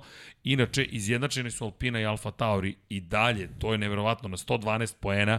Fenomenalno tu bitka nas takođe čekali. Ferrari protiv McLaren je fascinantan duel. Inače, tračevi da je Audi kupio McLaren su Pa demantovani, da. demantovani. Ali pitanje je, ja mislim da se tu nešto dešava. Gde ima dima, ima vatre. Mislim da, i rano je za, za priču o, na tu temu, ali odavno postoji ta, ta vrsta, mislim, jasno je i, i, i, i koja je konekcija u krajnjem slučaju u priči Audi i, i McLaren.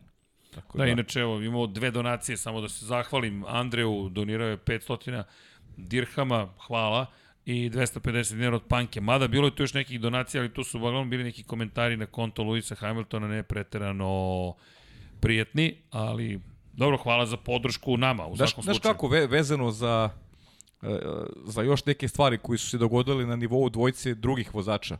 E, Ona reakcija Luisa Hamiltona u sred trke gdje je zahvalio Valteriju Bottasu. Gde je, znaš, pi- pitali smo se kako će Bottas da reaguje. Bottas se sklonio sa staze Luisu Hamiltonu u tom momentu kad je on došao do trećeg mesta i druga bitna e, stavka, Sergio Perez je vozio generalno dobru trku, ali je virtualno vozilo bezbednosti i je pomoglo Valteriju Bottasu da prilikom promene pneumatika se vrati na stazu ispred Serhije Pereza i to je pomoglo Bottasu u krajnjem slučaju da dođe do, do podijunske pozicije. U suprotnom, mislim da bi se tu vodila lepa bitka mm. između Pereza i Bottasa, ovako imao je sreće. Uh, Finac, tajming je bio onako dobar po njega i on je to iskoristio i vratio je podijum. Eto, Čeko poslije tri trke je ostao bez podijuma. Nismo se prosto dotakli Bottasa i, i Čeka Pereza. A bilo nije je mala stvar. Pa nije, Bottas da. koji je pustio Hamiltona. Bottas koji je pustio Hamiltona i, i Hamilton mu se javno izvan, i, i, i Jeste, zahvalio u sred trke. Jeste. Mogli smo da čujemo to. Tako da. Da. Bottas radi za ekipu i ono što je izjavio Bottas na kraju trke da je za, da je za njega Lewis Hamilton neko ko je onako veći od svih e, Da. vozača i da je on nekoj svojoj, svojoj kategoriji. Posle onoga u Zandvortu, kada mu uzeo bonus poen, ako se sećate. Da. E, Pa pa, mu ni- uzeo? nije na mu kraju mu na kraju. nije. Na kraju mu nije Da, da, na kraju je vratio Luis, ali Da. kažem, sada Da. malo krenule stvari. Pa, pa dobro, i, i, i sećaš se šta je bilo prošle nedelje, da su ga da je dobio žestoke kritike za onaj start trke, gdje je otišao u levo da zatvori Pa otvorio Maxa je Verstappena, otvorio, Verstappenu ceo put. praktično otvorio put, pa, Pa i sam je, je tu rekao, dobio kritike. Možda sam mogao bolje. Ali ljudi, da li je Bo- Bottas mogao bolje? Evo, Bottas je imao reprizu u Brazilu. Ja mislim da se mnogo pocenjuje Lewis Hamilton kao vozač.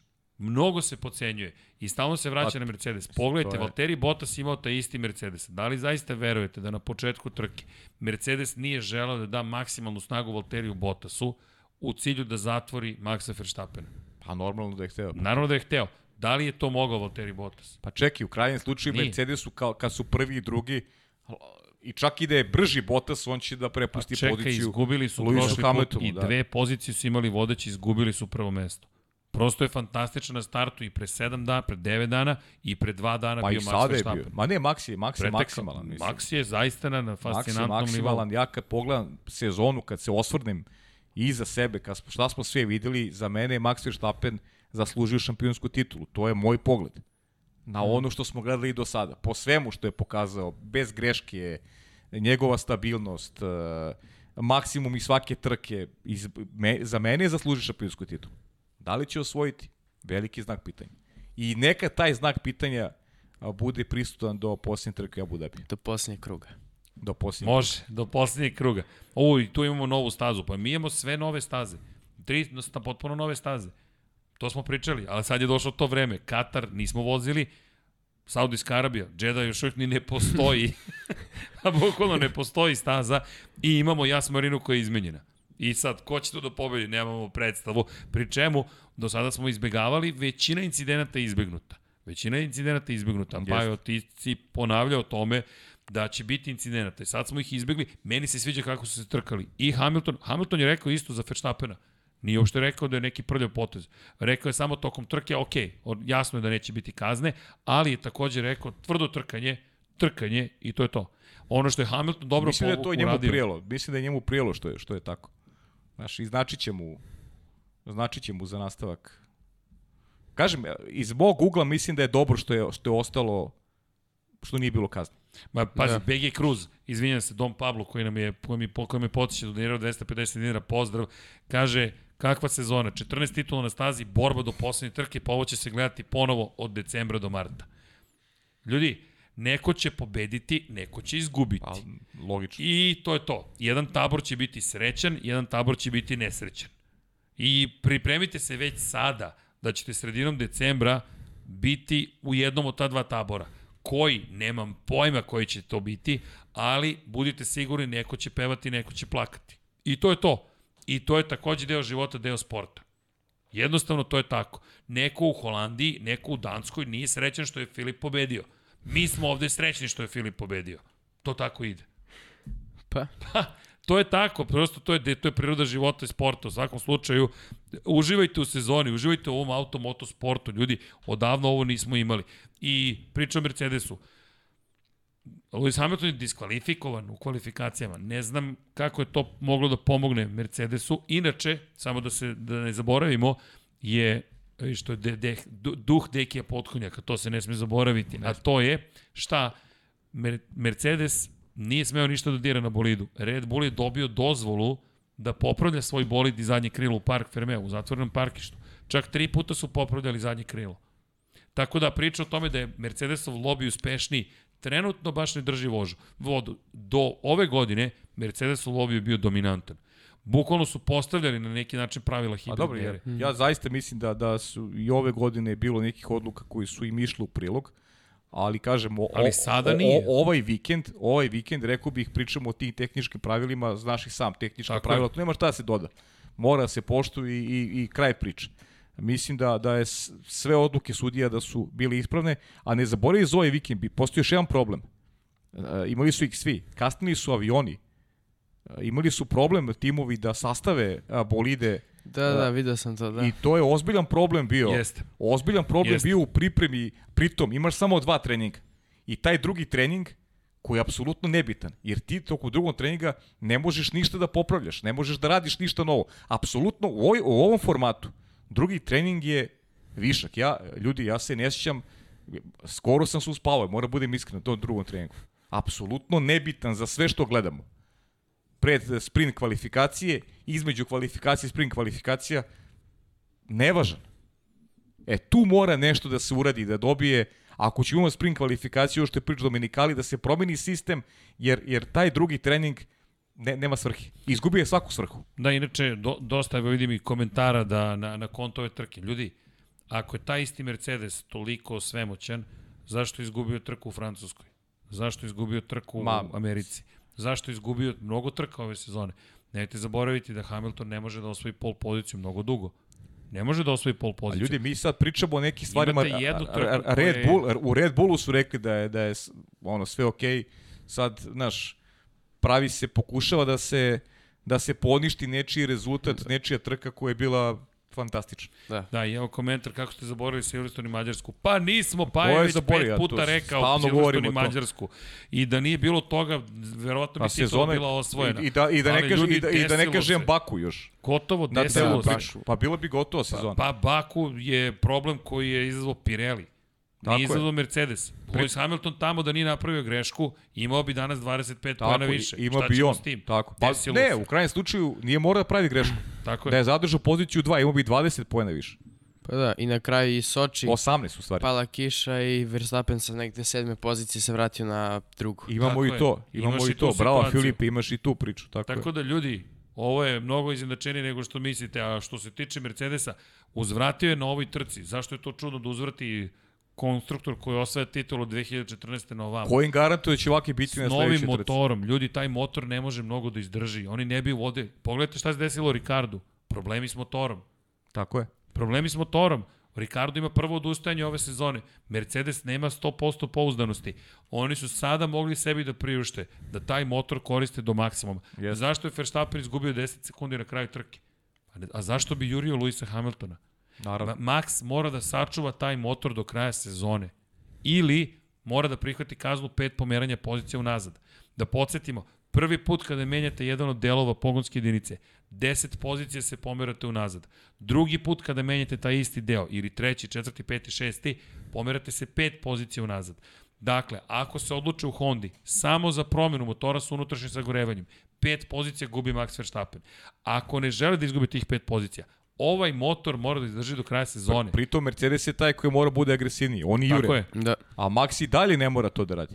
tako je. Maxu su teoretski dovoljna dva druga mesta i jedno prvo. da, pristojna prednost. Ima lepu prednost. 14 poena, tri trke pre kraja, lepa prednost. Jeste. I ja, ja uživam. Apsolutno uživam.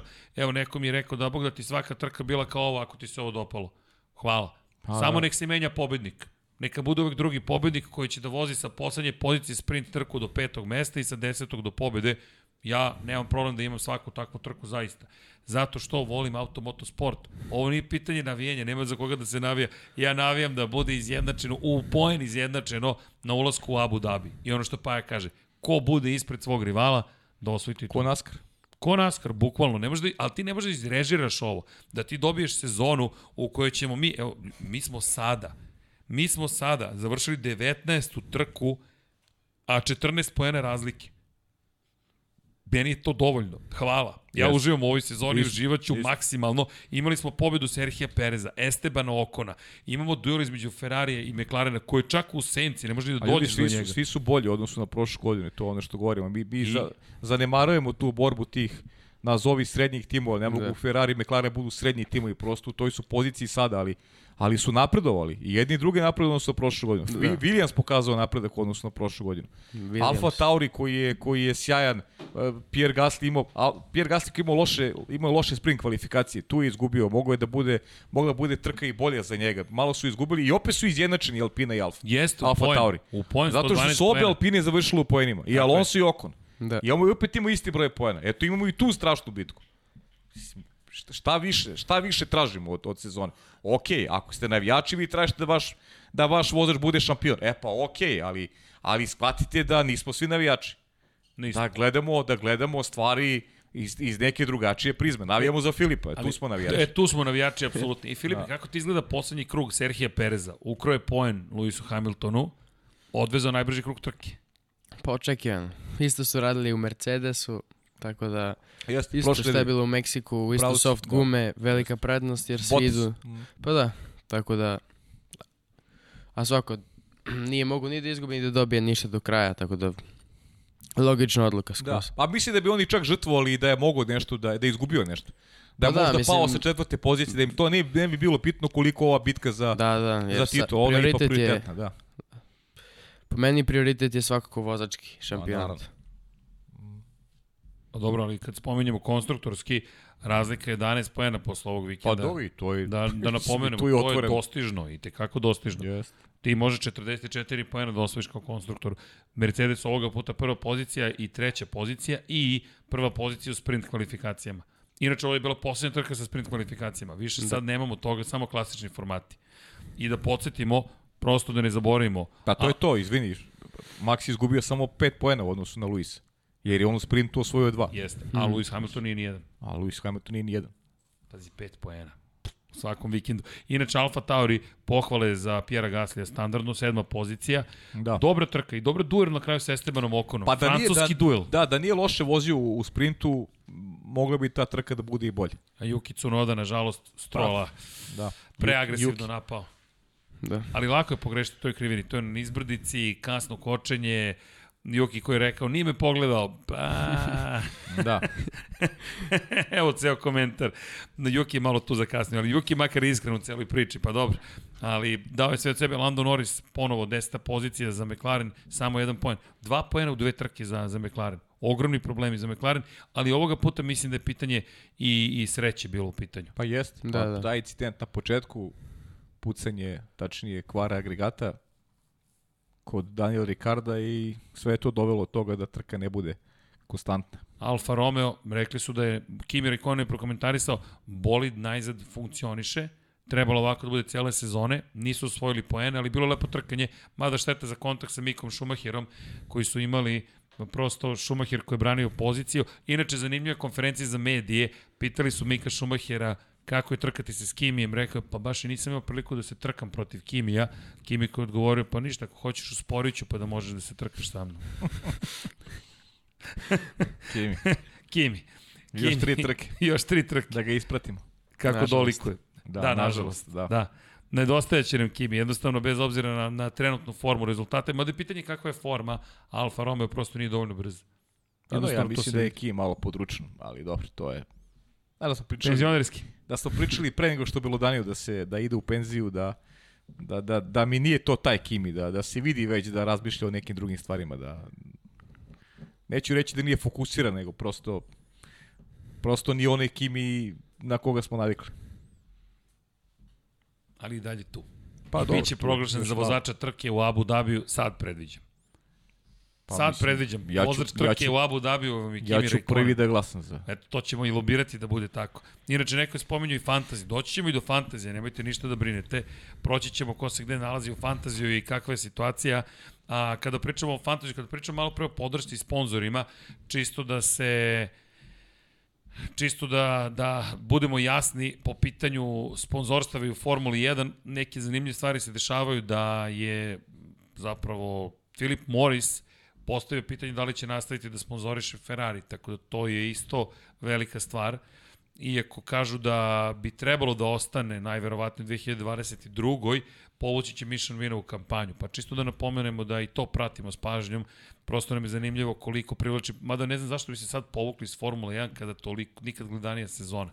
Ali dobro, pogotovo u Americi što imaju mnogo veću gledanost i bit će meni će biti zanimljivo da vidim ko će biti glavni sponzori naredne sezone, da vidimo šta se događa u ovoj novoj eri, da kažemo, Formula 1 i te priče o Porscheu i Audiju, kako će se dalje razvijati. Ja zaista se nadam da će neko od njih ući u Formula 1, to bi bilo spektakularno. Da. Da, to je baš Velika stvar. Pa da, velika priča, baš koja je onako apostrofirana sad ovde u Brazilu i ja se nadam da, da to nije priča bez pokrića, mislim i da nije priča bez pokrića, tako da i ovo što je McLaren demantovao, mislim da nema onako uticaja prevelikog pitanja šta se dešava iz kulisa i nije možda ni najpametnije ni pričati sad o tome jer to je jedan period, čekaju nas godine ovaj, kada krenu ta nova pravila i kada bude bilo dozvoljeno novim proizvođačima da se uključe u Formulu 1, tako da ima, ima, vremena da se, da se stvari odvijaju.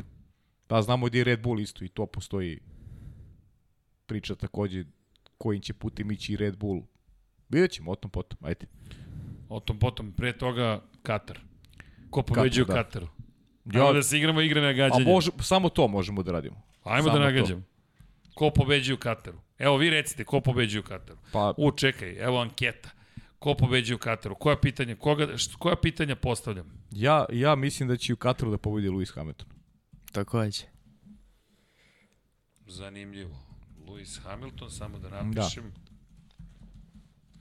Max Verstappen. Još neko ili ima šansu da pobedi? Ko, ima još jedan čovjek koji može da pobedi. Ko? Zove se Max Verstappen, ali mislim da će on biti Ne, ne, drugi. stavio sam, uh, stavio sam, njih sam stavio, ali da li ima pored njih dvojice još neku šansu da pobedi? Da, Botas Vanja kaže i Sergio Perez. Da. Niko drugi nema šansu.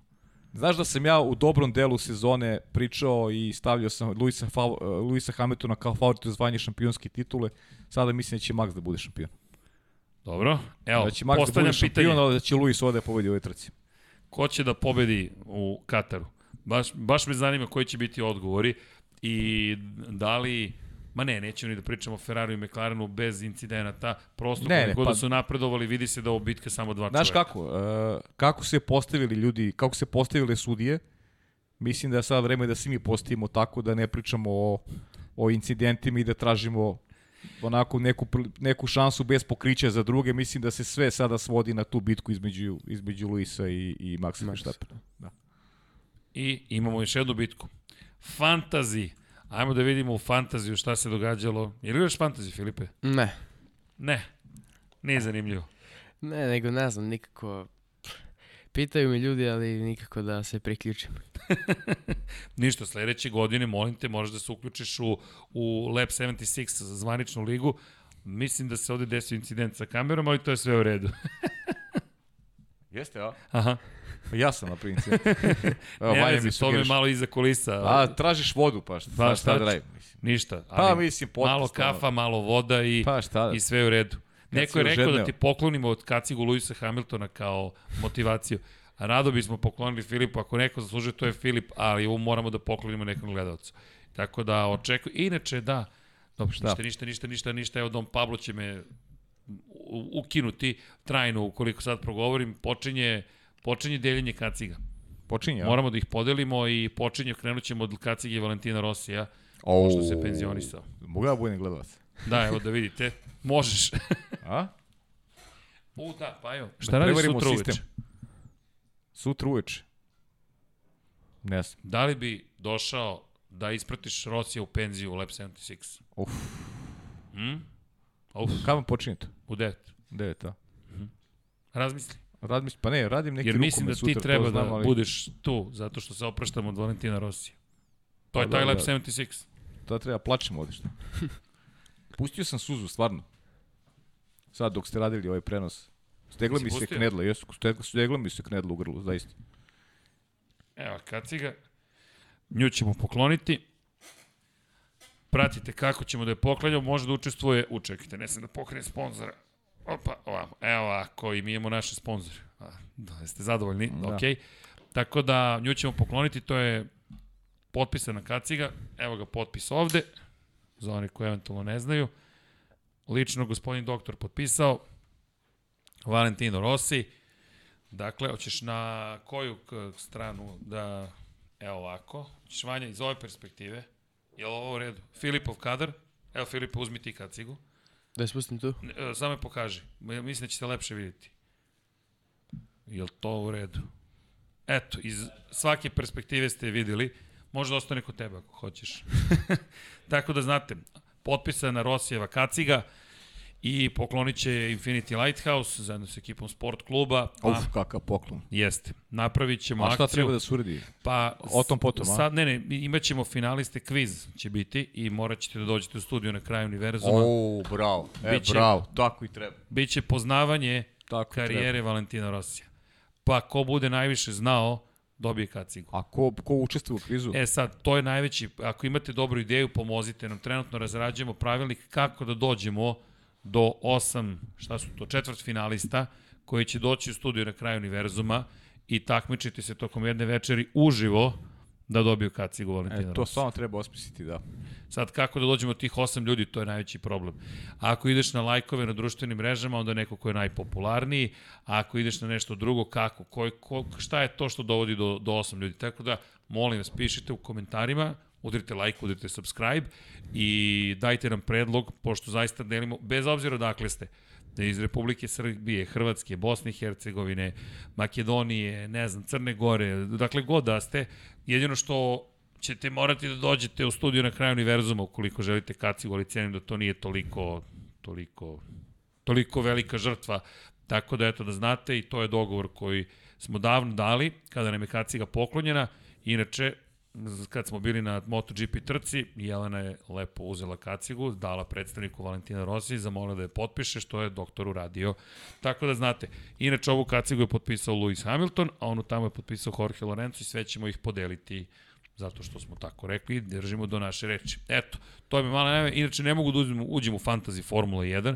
Iz nekog razloga se stalno učitava i učitava i učitava. Kako? Možda mi je povezan sa Facebookom. Bravo, Vanja. Da, da. Vanja, da. E, ali vidi, radi internet, a? Već nedeljama radi internet. Svi kažu, nemoj to da govoriš. Pa nemoj to da Kletva govoriš, komentatora, šta? Nemoj to da govoriš. Ljudi, ali smo se potrudili da to popravimo, da uradimo kako treba. Tako da znate, eto, pratite Infinity Lighthouse, delit ćemo sve te tri kacige ćemo podeliti, neće ih više biti u studiju, na našu žalost, ali takođe dali smo reč i nadam se da ćemo nekoga lepo obradovati, eto. Tako da znate. I da se mi vratimo a, Formuli 1. Dakle, um, ne Boško, neće... Igrali smo, igrali smo Da, evo, on, igru, komentar igru da će moj pogađanja. rođak osvojiti, ne, Boško to čak shvatam vrlo lično. Neće sigurno dobiti niko koga mi znamo, mi držimo do sebe, držimo do reči koje smo dali, tako da čak ni u šali to neću prihvatiti. Boško dobio bi ja da, da je... da ovaj, je, znaš, da je po tome, verujte, niko drugi do Paje Živkovića ne bi dobio kacigu. Neki bi dobili Fetelovu kacigu, Tako neki bi dobili Hamiltonovu kacigu, ali ne.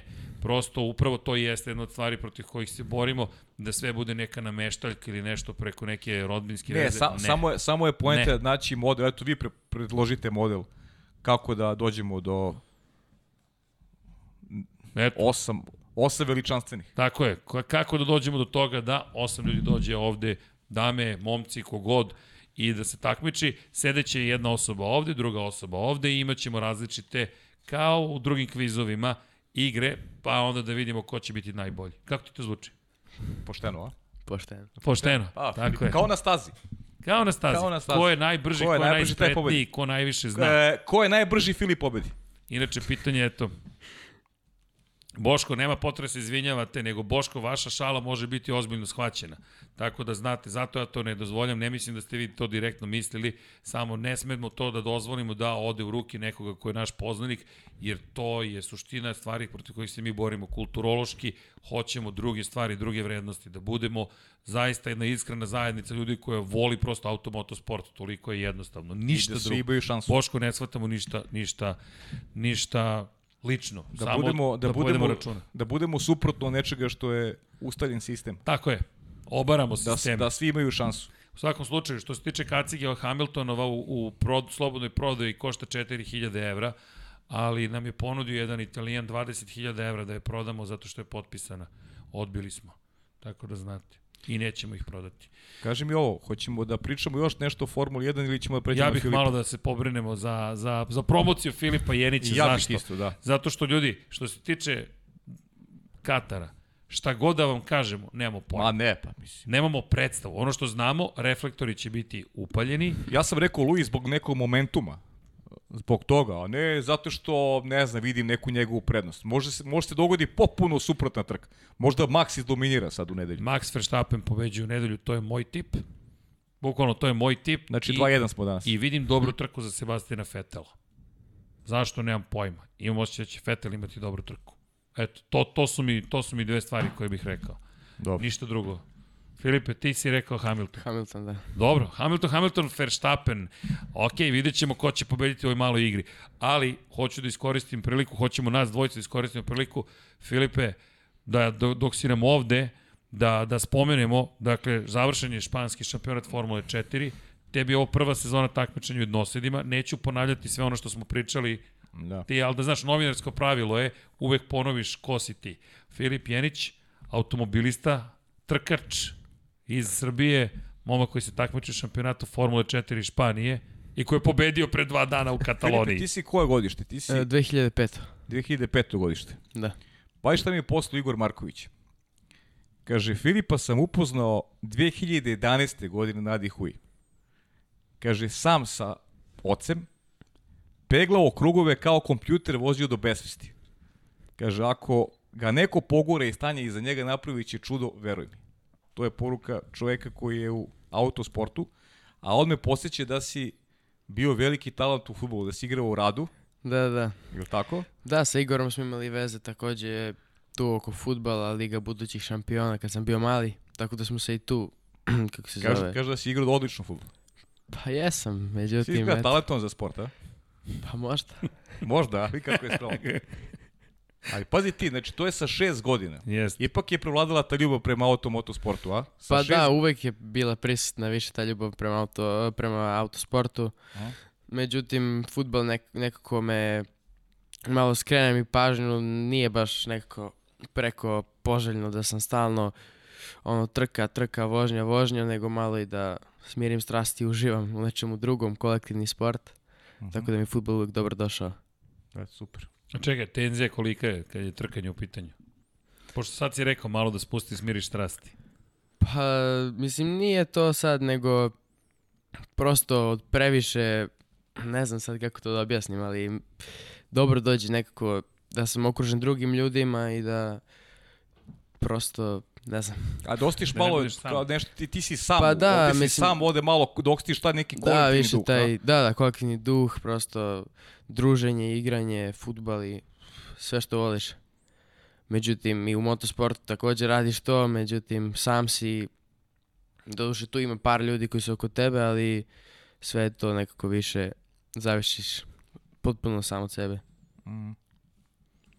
Evo, ti si mlad, ti si kao mlad naučio da se boriš i sa, i sa nekim nedaćama, uh, Austrija, imao si onako, bukvalno si shvatio da moraš sam sa sobom da pokažeš da pokažeš da si bolji od drugih malo težim putem da bi da bi došao do nekih do nekih ovaj do nekih rezultata.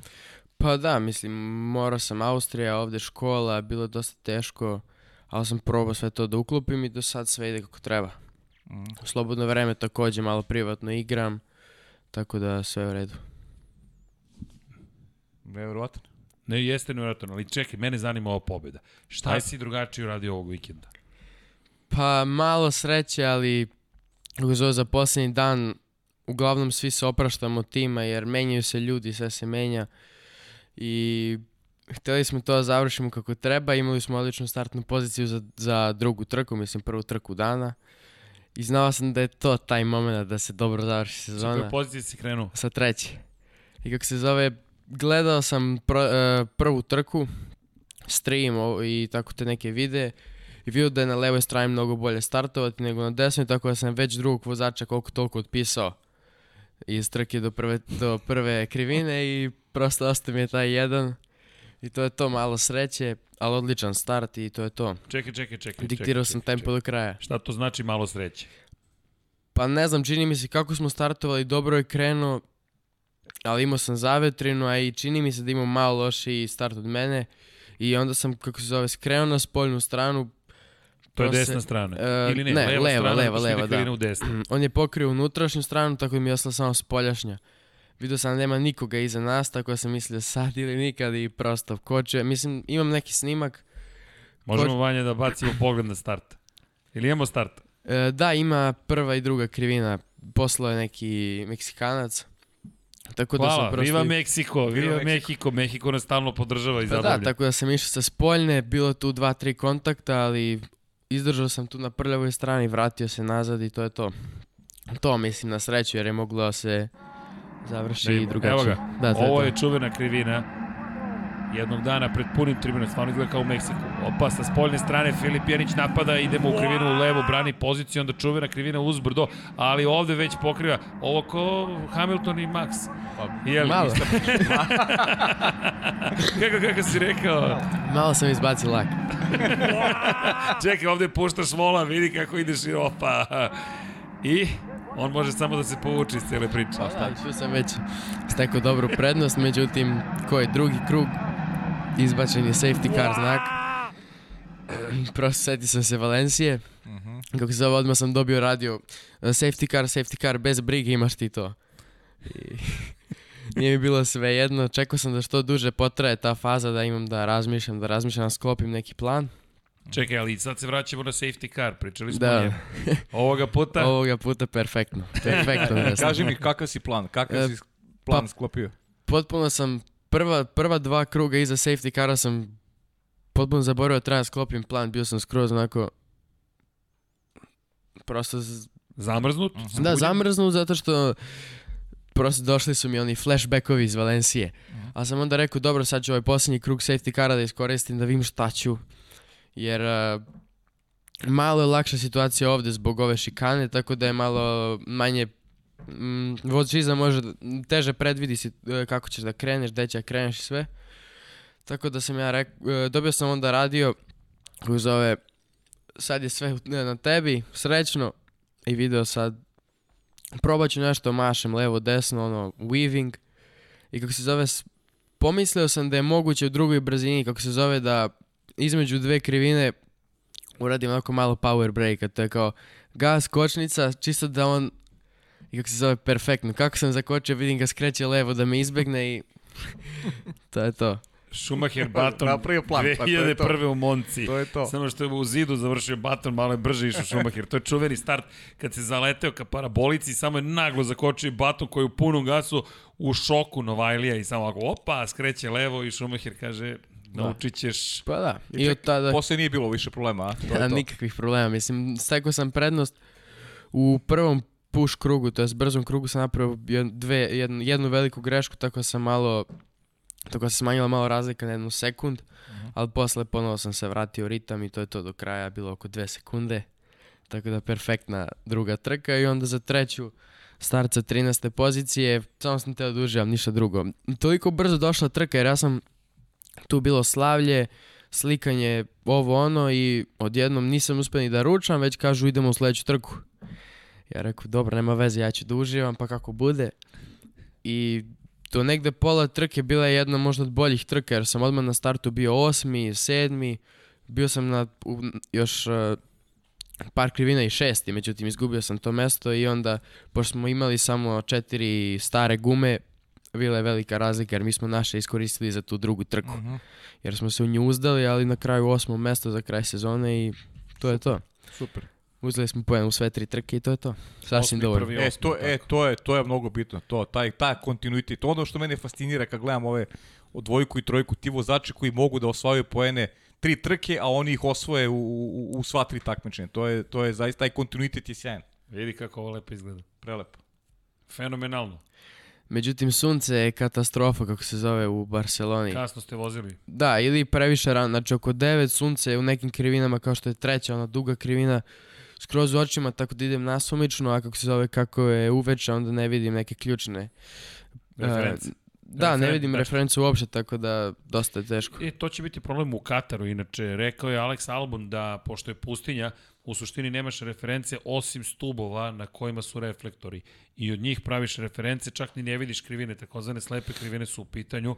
Naravno da su sve to profesionalci, ali opet je mnogo lakše kada imaš neku referentnu tačku. Inače, ka- kada si kao trkač kako kočiš, ti u suštini imaš svoju referentnu tačku na osnovu koje kočiš, je li tako? Da, da, uglavnom su to a, znakovi sa strane, 150, 300, 100, da, da. 150, 100, tako. Tako da tu ili imamo e, neke bele linije ili prosto ivičnjaci, tako da ono gađamo, na primjer, treću crvenu, mislim to je malo teško, ali tako te neke reference se hvataju i A koja ti je bila greška? Rekao si veliku grešku. U kojoj mm, krivini si čet- napravio? četvrta krivina ispod onog mosta, da, u Da, desno. kad prođeš u desno. I kako se zove, malo su bile hladne gume iznutra, kako zove kočenje, potpuna, potpuna blokada desnog točka i Ali dobro, uspio sam neko da iskontrolišem i da se vratim u ritam, jer mislim da u slučaju sam napravio flat spot, da će dosta... kraj. Da, da, ali do kraja bilo je okej. Da, tu ima, tu ima dosta zahtevna krivina zapravo u levo, krivina broj 2, pošto je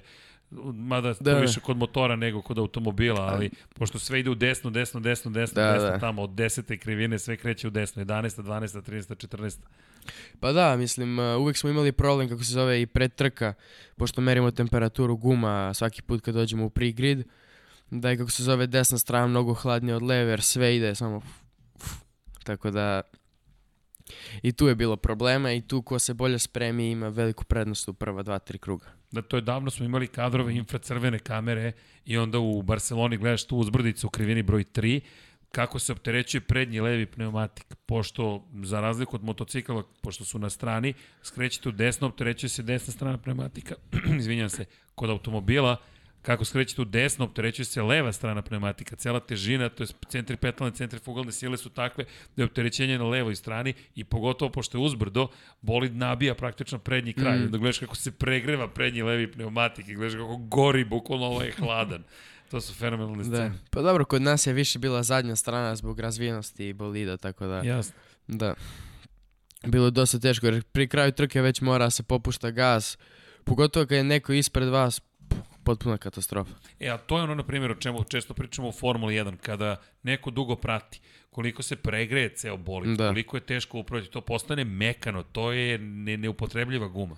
Pa da, mislim, u prvoj trci sam imao ogromnih problema sa, sa gužvom, jer eh, em što smo imali i ovako nam je auto bio dosta, kako se imao, dosta pod upravljanja, još kad sam došao u gužvu bila je potpuna katastrofa i tačno vidim kako se zove levu gumu kako je tamna.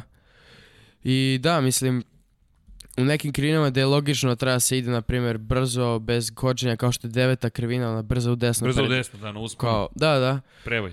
ja sam morao da kočim i tako neke nelogične stvari, tako da Barcelona je bila dosta zahtevna i po tom pitanju. Ali si pobedio. Da. Osmi, prvi, osmi. Filipe, mla, mlad si, mlad si momak, kaži mi, e, ili pripadaš kategoriji onih koje zanima e, da razume bolid koji, koji im upravlja? Da, da, da te zanima, da te zanima što imaš u rukama, da ulaziš u detalje, da se, da se raspituješ i kod mehaničara ili si od, od, od vozača, vi mi pripremite, ja, moje je da vozim i, i, i to je to, ili te zanima da, da razumeš bolid kojim upravljaš? Pa mene zanima da razumem bolid kojim upravljam, ali problem je bio taj što ni oni ni ja nismo imali iskustvo. Tako da je to više bilo onako kao, dok ne dođe do neke greške mi ne znamo. Tako da smo vremenom i tu stasali. Imali smo tokom posljednje trke iskusnijeg inženjera i tu se tačno vidi velika razlika u... Mislim, možda i on bio možda ključ pobede. Aha. U svakom slučaju vidi se razlika u razmišljanju neko ko je iskusan i neko ko je, eto kao ja, prva godina i počeo od nule. Ne veze što si mlad, bitno je da ti nekom veruješ, da os- osjetiš da, Da, možeš da. toj osobi da veruješ. Nevezano da li je stariji od tebe, ali prosto ti imaš osjećaj da li nekom možda veruješ. To, to je mnogo bitno. Da, da, tako da, pa da, bitno je da veruješ e, treneru, da mu veruješ. Mislim, jer on tebi na kraju da neke smernice ko- tokom trke, a kako se zove, u dve ključne trke ove sezone je dao, ja ne znam kako, ali perfektne smernice. Tako da, mislim, da nam otkriješ koje su ili ne? Da. ne znam baš. Ne moraš, A ne moraš, ne a, a moraš, smeš ne, da ne. nam otkriješ hoćeš imati istog čoveka i sledeće godine. u E, ne, Nećeš, neću a, imati, ne, ne. E, ali čekaj Okej. sad. Ok, dogovorili smo se doći ćeš nam pred kraj godine. Da, da, da, Da da, nam otkrijemo plan, da, Da, da. Gde, šta, ko, Svakako. kako. obavezno. Moramo i sa Nikolom da se spojimo, da svi to zajedno prezentujemo, ali to je mnogo bitno. Vidi, mi, mi, sa, mi sanjamo za tebe, znaš, mi, mi te sad svojatamo.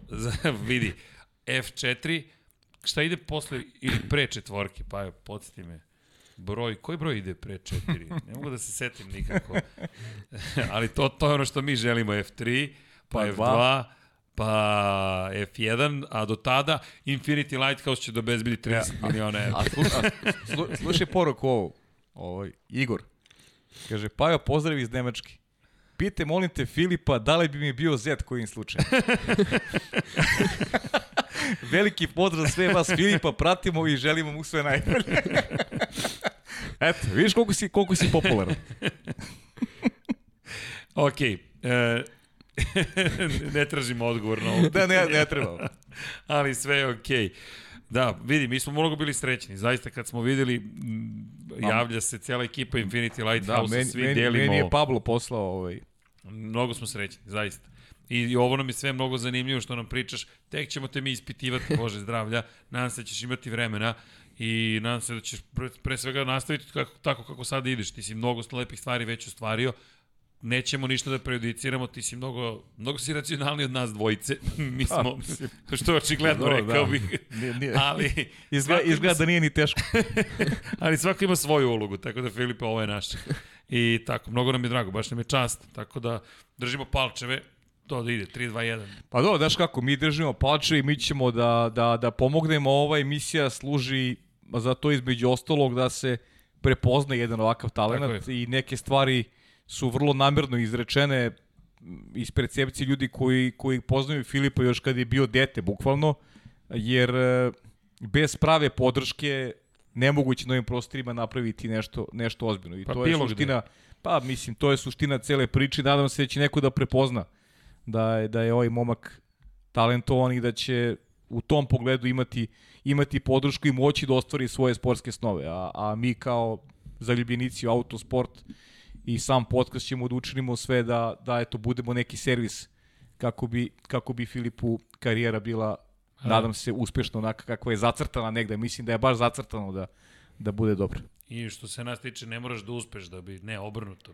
Ti si krenuo negde, mi ćemo da gledamo Pa ne, da, te, naravno, da te ali- poguramo. Pa to je poenta, samo da, da, da, da probamo svi zajedno da učinimo sve da, da jedan mlad talentovan momak dobije ono što što zaslužuje kako bi svoje snove, a ovo je meni fascinantno da neko sa šest godina Krene. uporno vozi, vozi, vozi jer mu je to, jer mu je to ljubav, mislim, to je to je poenta cele priče. Da, evo ima, jedno zanimljivo pitanje. Da li imaš radio vezu tokom trke? Mhm, da, da, imamo Imaš. radio vezu. I ona je u tako nekim kao što je safety car faza i možda i ključna stvar, jer ovako ja sam bio pomalo pogubljen. I šta Bez, ti e, ekipa rekla? Pa ništa, i bio sam na vezi i svaki put posle devete krivine. I kako se zove, da, rečeno mi je da se prvo smirim, da probam da primenim sve što smo, o čemu smo pričali posle trke u Valenciji. I kako se zove, rekao mi je da smislim plan i da otprilike, dao mi je neku smernicu otprilike za to kočenje pre posljednje krivine, da je rekao da je to idealno ako može da se izvede. I kako se zove, to sam izveo, tako da... Ili, na primjer, neke informacije kao što su, otkud znam, koja si pozicija, jer inače na pitboardu samo pokazuju koliko još ima krugova, ne praktikuje se, se pokazuje mesto, tako da u slučaju te baš zanima možeš i to da pitaš ili da se pita kako se zove koji tempo treba da se drži, jer ponekada kad si tako u sredini nemaš ni referencu ispred niza, moraš da držiš neki tempo. Tako da jedna od ključnih stvari je radio veza. Da, inače, ko je gledao Lab 76 specijal o Filipu Janiću zna o radio vezi, ali mi se sviđa kako si reagovao. E, šta ti je inteligentan čovjek i ka, vi, vi, kako se brzo prilagođavaš, meni je to fascinantno. Ovo, o, ovome smo pričali i sad pa ja postavljamo namjerno neka pitanja jer verujemo da imam nove publike i Filip koji ne kaže ovoga puta, to sam već rekao, nek već Da, pa, odgovorio. Pa da, to je, Filipe, ti si jedna brza glava, mnogo mi se sviđa. Uuu, jao. Tako da pozdrav za Advana Bešića i cijelu ekipu. Ljudi, ajmo podrška za Filipa, udrite like. Kako sam se nakačio Filipe na tvoju popularnost. Dakle, ko gleda i dopada mu se ovo priča o Filipu, udrite like. Pa da vidimo sad dokle ćemo da stignemo. Samo da znaš, mislim da je tvoj podcast bio jedini u kojem smo imali više lajkova nego, nego gledalaca uživo.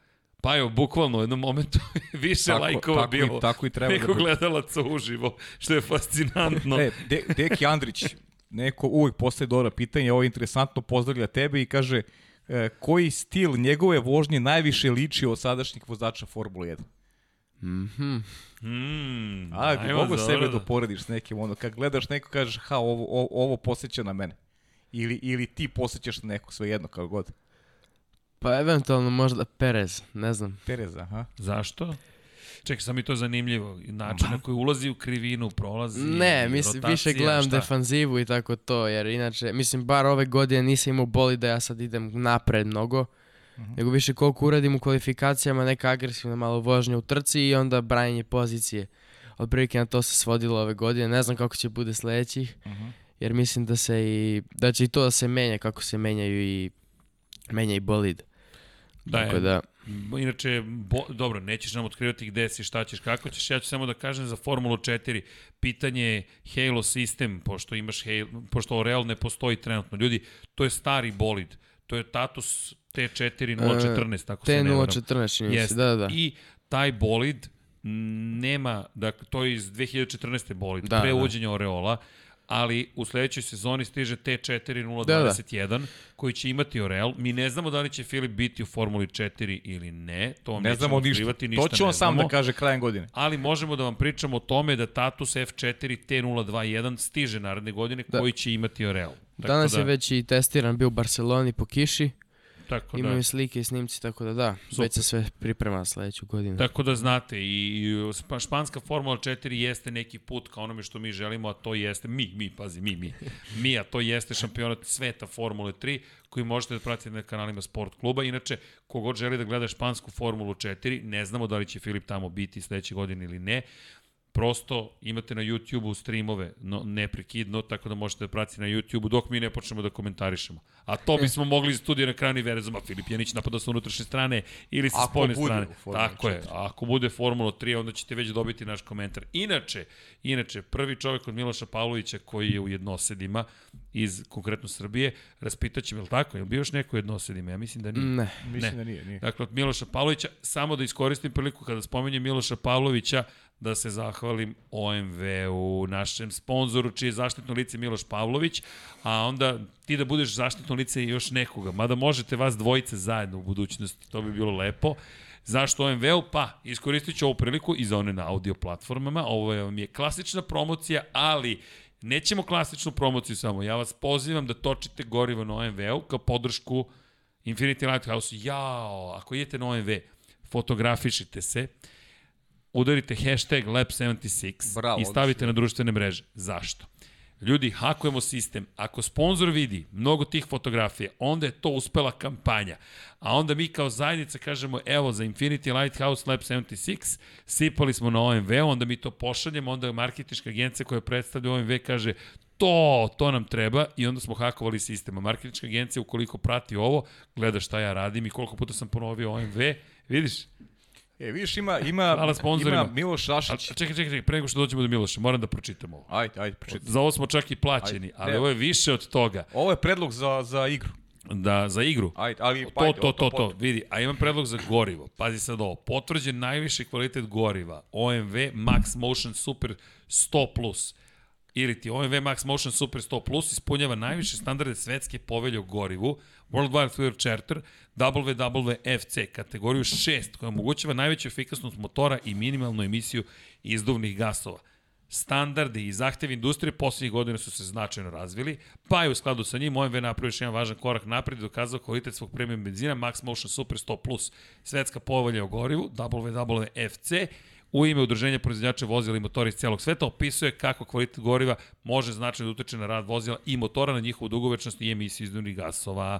A OMV 100+, to je Max Motion Super 100+, ispunjava najviše standardne kvaliteta benzina. Stoga, ko želi kategoriju 6, ode na OMV, kaže, hoću jedan Max Motion Super 100+, i M je ekonomičnije, M je smanjena emisija izduvnih gasova. Tako da, to se smatra najboljim izborom za najsofisticiranije tehnologije motora i to nije šala. Mi volimo i to smo upozorili sponzore. Ljudi, da mi smo malo drugačiji u smislu da nisu klasične reklame, ali jesu opet reklame i podrška nam je uvek potrebna, tako da evo ga OMV ovde, Huge Media nas takođe podržava, Lab 76 promovišemo brazilske majice, Ko, gde nam je Jao Dekijeva knjiga? Kupite knjigu Crveno i crno o Mihajlu Šumacheru. Zašto? Zato što je to naše prvo izdanje, zato što je to knjiga našeg Dekija Potkonjaka i zato što je to lepo štivo. 776 dinara, shvatite 776 na našem sajtu shop.infinitylighthouse.com. Brazilske majice u čast, pa pre svega Ayrtona Sene, ali i svih Brazilaca, uključujući i Felipe Amaso, koji odjednom postaje naš omenjeni Brazilac, zahvaljujući Filipu. Tako da znate, ovo ovo smo dugo čekali, ovaj žuti pamuk, kako ti se dopada? Odlična je. To, Filipe! Ovo smo inače uvezli, kao što smo rekli, zelene boje smo dobili. Ko hoće Rossi specijal imate, hvala Vale, takođe na šopu. Da, to je nama podrška i nije nam to takozvani core business, glavni posao, ali nama mnogo znači, mnogo je lepo kada vidimo neke stvari i kada vidimo kako se cela priča širi po celom regionu. Inače, da odgovorimo i ljudima iz regiona, bilo je baš to pitanje, uh, konstantno se pričalo o legalnosti bolida Luisa Hamiltona, Mercedesa, polako. Vidjet ćemo do kraja sezone šta će se tu sve reći. Naše mišljenje je da je to pre svega motor sa unutrašnjim sagorevanjem i njegova neverovatna veština, ali Katar će nam dati mnoge odgovore. Mislim da će Katar biti mnogo velika i važna trka i informacijono i takmičarski. Tako A da biće sačekajte. i biće drugačija svaka Tako trka je. priča Da. za sebe, biće drugačija. Mislim, stvari se ne ponavljaju. A sada reklame. OMV. Energija za bolji život. Jao, Filipe, kad te mi vidimo na ovim reklamama u budućnosti, pa budeš po billboardima, a mi kažemo ja znam Filipa. A biće naše zaštitno Mogu vam sredim autogram. Biće naše zaštitno lice. Ja, čekaj, možemo da budemo medijski sponzori? Pa se pitaš Molim te, pitaj ekipu, e, da li možemo da budemo medijski sponzori, da, da Lab 76 stoji negde na bolidu, pa makar i najmanje, ovo licka nalepnica, ovo licka. Razumeš? I onda stoji Lab 76 i mi se hvalimo po celom svetu kako Lab 76 sponzoriše jednog divnog momka. Raspitaću se. Molim te, preko veze. Da. Da. I onda knjigo, e ne, a, tražimo pa, a prava, Paja da piše autobiografiju, da ti bude shadow writer za 20 godina. To je rešeno. Pričat ćemo o brojnim titulama. Biće mi lako da pišemo onda. Da. Tako je. Dakle, pre svega, eto, Filipe, hvala ti, zaista. I ja bih isto iskoristio priliku da, ako želite, postavite pitanja.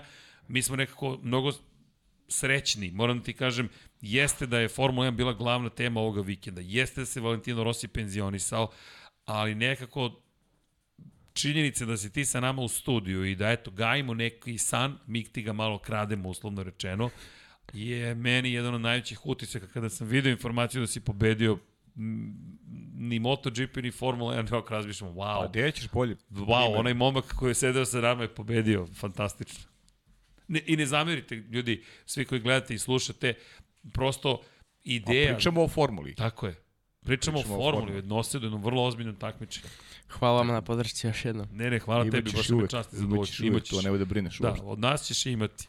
Tako da, ako neko ima neka pitanja, Formula 1, Formula 4, Španije, šta god, samo recite. Koliko konjskih snaga imaju bolidi u toj F4 kategoriji? Uh, 160 su ovako kao čisto, međutim oni kada se e, prerade motori trebalo bi da ima oko 200 ko, e, konjskih snaga. 200 konjskih snaga. Da. A težina bolida je? Uh, 550-600. Ne znam sad koliko je sa mnom. Uh, 550 mislim da je minimalno samo vozilo, a ja Bez sam još 70. Bez tečnosti, goriva i tako dalje. Koliko ti imaš? 72 sa svom opremom. Dobro, to je dakle na 622, 3, 4, 5 i plus gorivo. Ne, mislim, ne, gorivo je uračunato. Aha, uračunato, dakle nije dry weight takozvani. Da, inače kakav roller coaster emocije u nedelju. Valetova penzija, F1 trka, futbol, košarka, derbi, Filipova pobjeda, NFL i na kraju futbol. da, inače dajte malo prokomentarajte potpis Joa za Alfu. E, treba prokomentarisati. Da. Što se tiče Joa, samo kratko, Jo je imao dosta uspona i padova, mi ga pratimo već neko vreme. Pa, nije u grupi najboljih vozača, ali je drugi u šampionatu Formule 2, činjenica. Imao je relativno lošu trku skoro, u kojoj je napravio jednu veliku grešku, ali Zhou ljudi predstavlja Kinu. Mi sada možemo da uvijemo reči. E, ima još jedna informacija, Oskar Pjastri će biti e, da, test vozač Alpine. Test vozač Alpine. E, da. On će biti test vozač Alpine. Iskreno, Jest. ja bih pre birao Oskara Pjastrija nego Žoa. Da. Ali Kina je veliko, veliko tržište i odavno se znalo da će onda ide u Alfu, tako da vidjet ćemo kako se snaći i to je najbliže što si rekao da ima uspona i padova. Baš, baš tako, ali ima i sreće kažem da je to ogromno tržište, da će Kina stati iza njega pa i to, da. ono, to je ono prvi što... vozač Kine u istoriji. Prvi tako. vozač Kine u istoriji, to ono što će trebati jednog dana i Filipu Jeniću, da ima pravo podršku. To je to. Pa, Bez toga da. se ne može. Da, inače, Hrvoj Novačić pita zaš, zašto nema više od 10 timova u Formula 1. Skupa zabava. Skupa zabava. Mnogi su pokušavali, mnogi su propadali i teško je sada dobiti licencu ukoliko niste dovoljno ozbiljni. Inače, tim Formula 1 do pre par godina najsiromašniji je imao budžet od nekih 160 miliona evra godišnje. Najbogatiji su imali oko 500 miliona. Dakle, mi govorimo o pola milijarde potrošnje tokom godine za najuspešniji tim.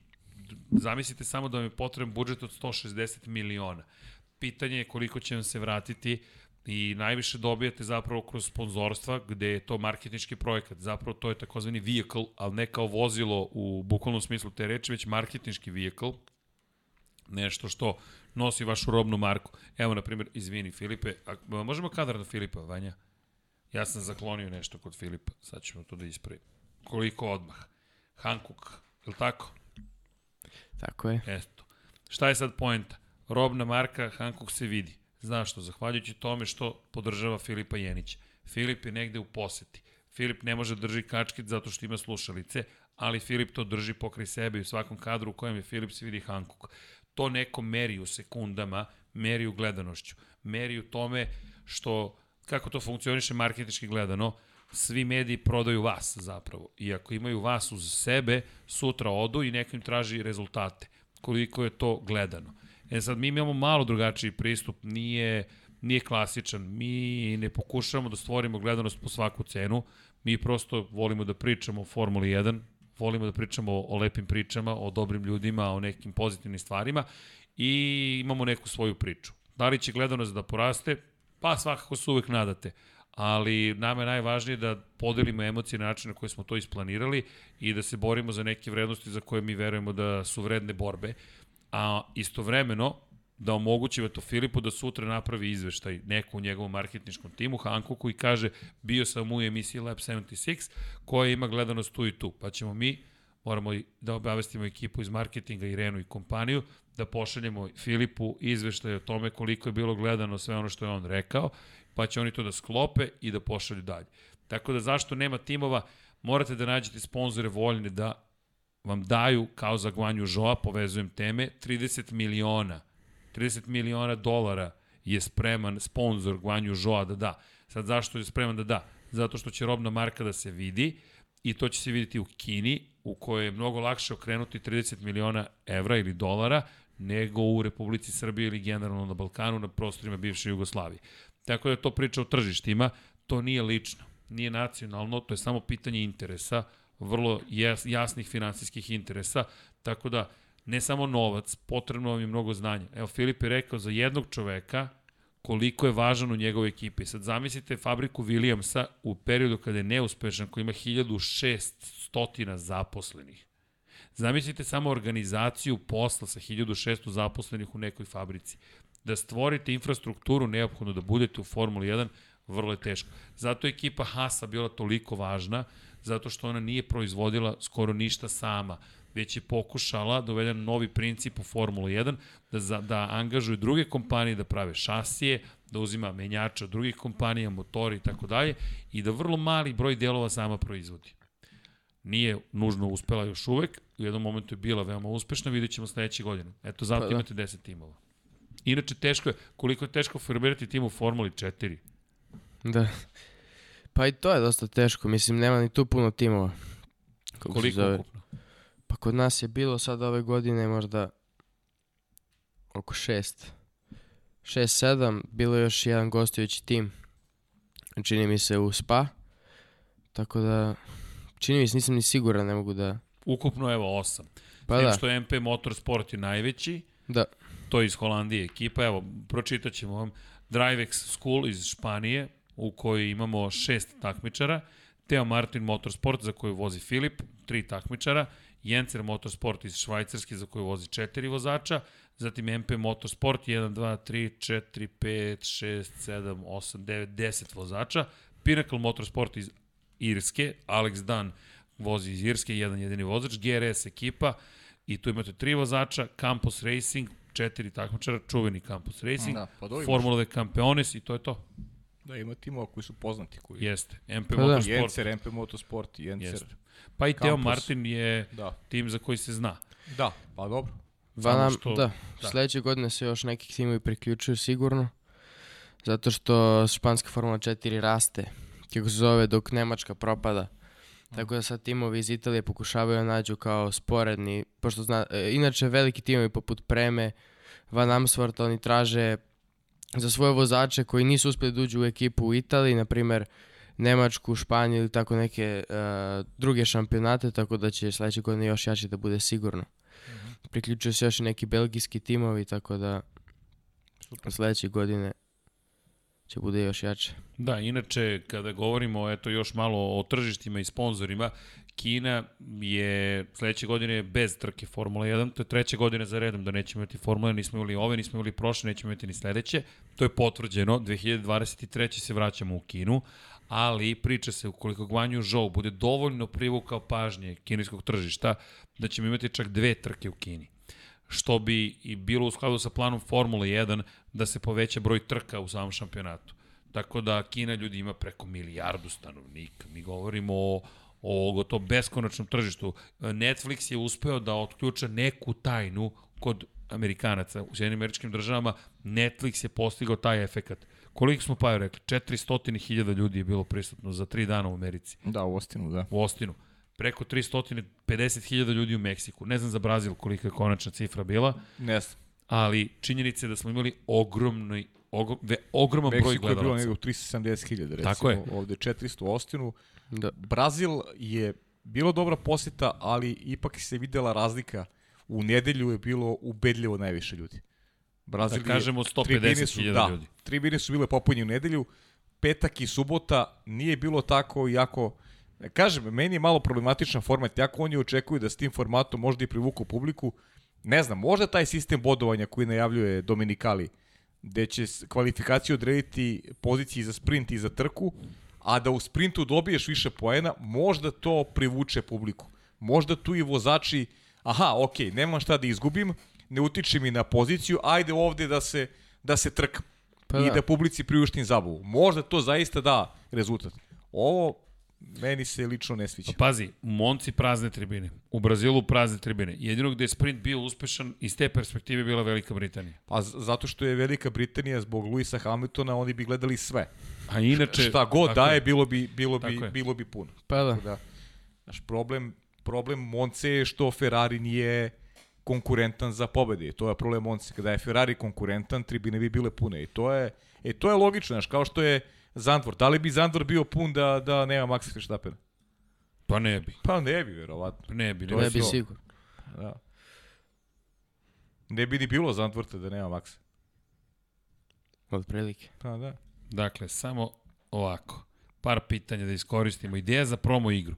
Vukašin Vučenović ima savršenu priču. Pa- Ideja za promo igru. Na OMV-u sipa gorivo i treba da potrefi 0,76 na litru. Dakle, 10,76 litara. Ko pogodi slika, dobije shout-out na streamu. Samo jake promocije. Može Vukašin. Pa dobro, ima, ima, to sam rekao, nisam stigao, ima i Miloš Šašić. Sjajno. Nije loš predlog, kaže, možete da napravite za naredne trke ko će biti na kojoj poziciji na kraju trke plus najbrži krug. Ako taj vozač završi na toj poziciji koju upisao je poen, najbrži krug dva poena i da se napravi neka priča vezanu za, ne znam, tri trke se boduju i ko ima najviše poena da bude među osam. Eto. To, To nije loša ideja. Nije dakle, loša da, ideja, da, da. se da bude na, ali čekaj, samo ne sme da bude igra na sreću, jer ako uđemo u igre na sreću, Pa ne, ovo, ovo nije na sreću. To, to, ovo je na- to, to, samo to je znanje. Ovo boduješ, ovo To, to. boduješ i Može. ne znam, na kraju Može. sezone, na kraju sezone napraviš ko je najuspešniji po poenima, te pozoveš u studiju. kako ćemo za MotoGP? Pa nema za ma, pa igraš za formulu, ali nema veze. Mislim, Nema veze, dobro. podeliš kacigu, igraš Dobro. formulu, a podeliš kacigu iz Rosije. Kakve veze ima, to je tako i kako je šta. Ili može ovo što si, ne znam, šta god. Nisu loši predlozi, Mislit zaista. ćemo, ali hvala za predloge, treba nam mala Da. pomoć. Treba nam prosto mala pomoć, jer tu smo se zaglavili. Kako sada ispo... A i nemam više Facebook nalog, tako da ne mogu da Pa ne, promoviš. jeste poenta ono što si rekao. Ajmo da napravimo nešto da će ljudi da stvarno učestvuju u nečemu što možda im pomogne da dođe do kacige. Eto, to je to. Da ne osjete da postoji nešto iza kulisi, jer to stvarno nam niti, me, niti nam je namera, niti ćemo da radimo to. Ne, ne, ma ne, ma, Da neko je najbolji u nečemu, zaista to dobije tu da, nagradu. to je. A imam ja trikove, samo da znate. Imaš trikove, a? A, imam trikove. Spremite se za mađioničar, a? ozbiljan kviz. Ozbiljan kviz vas čeka. I to će biti uživo. I mogu ovo da kažem, imaćete pravo na pomoć prijatelja. Pomoć četa. Reci. Nisam znao da je Oliver Mlakar ovdje. Aj, znaš ko je Oliver Mlakar? ne znam. pa jo, drugo vreme, mi smo Jedan dinosaurus. kviz kad smo bili klinci, znao si kviskoteka i... Da, inače Nemanja predlaže da damo kacigu na humanitarne svrhe licitaciju, ne smemo Nemanja, nije naša kaciga, mi smo je dobili na poklon pod uslovom da je poklonimo nekome. A ko je dobije, dalje na njemu da radi šta želi, ali mi prosto smo obećali da ćemo dati nekom gledalcu. Prosto, inače bismo, verujte, dali u humanitarne svrhe, naravno, vrlo rado. Kao što je sutra ide 300 evra u humanitarne svrhe. To ćemo da postujemo u ime Ljudi, u koja slučaju taj gledalac može to da da u humanitarne svrhe. Tako je. Da, i napravite kviz znanja na vašem sajtu, pa verovatno će se tako i desiti. Kviz znanja na sajtu, pa ko bude najbolji da dođe da odgovara u kvizu. Kako ti to zvuči? Mada, dva da budu glas popularnosti. Ko skupi najviše, čega god, podrške, lajka, hashtag. Ne, ne, ali ovo se lepo, ov- ovde da se, ovde da se odvija To, to, to, to, taj to. završni kviz, Da, to je, to to je je- najbolje, zaista. Aha, slušaj ovo, Live to Learn 994. Kada vedete top 8 u Office, neka obavezno bude da se odveze tri kruga zagrevanja i pet brzih krugova na F1 igri, pa bodujte i to. Opa!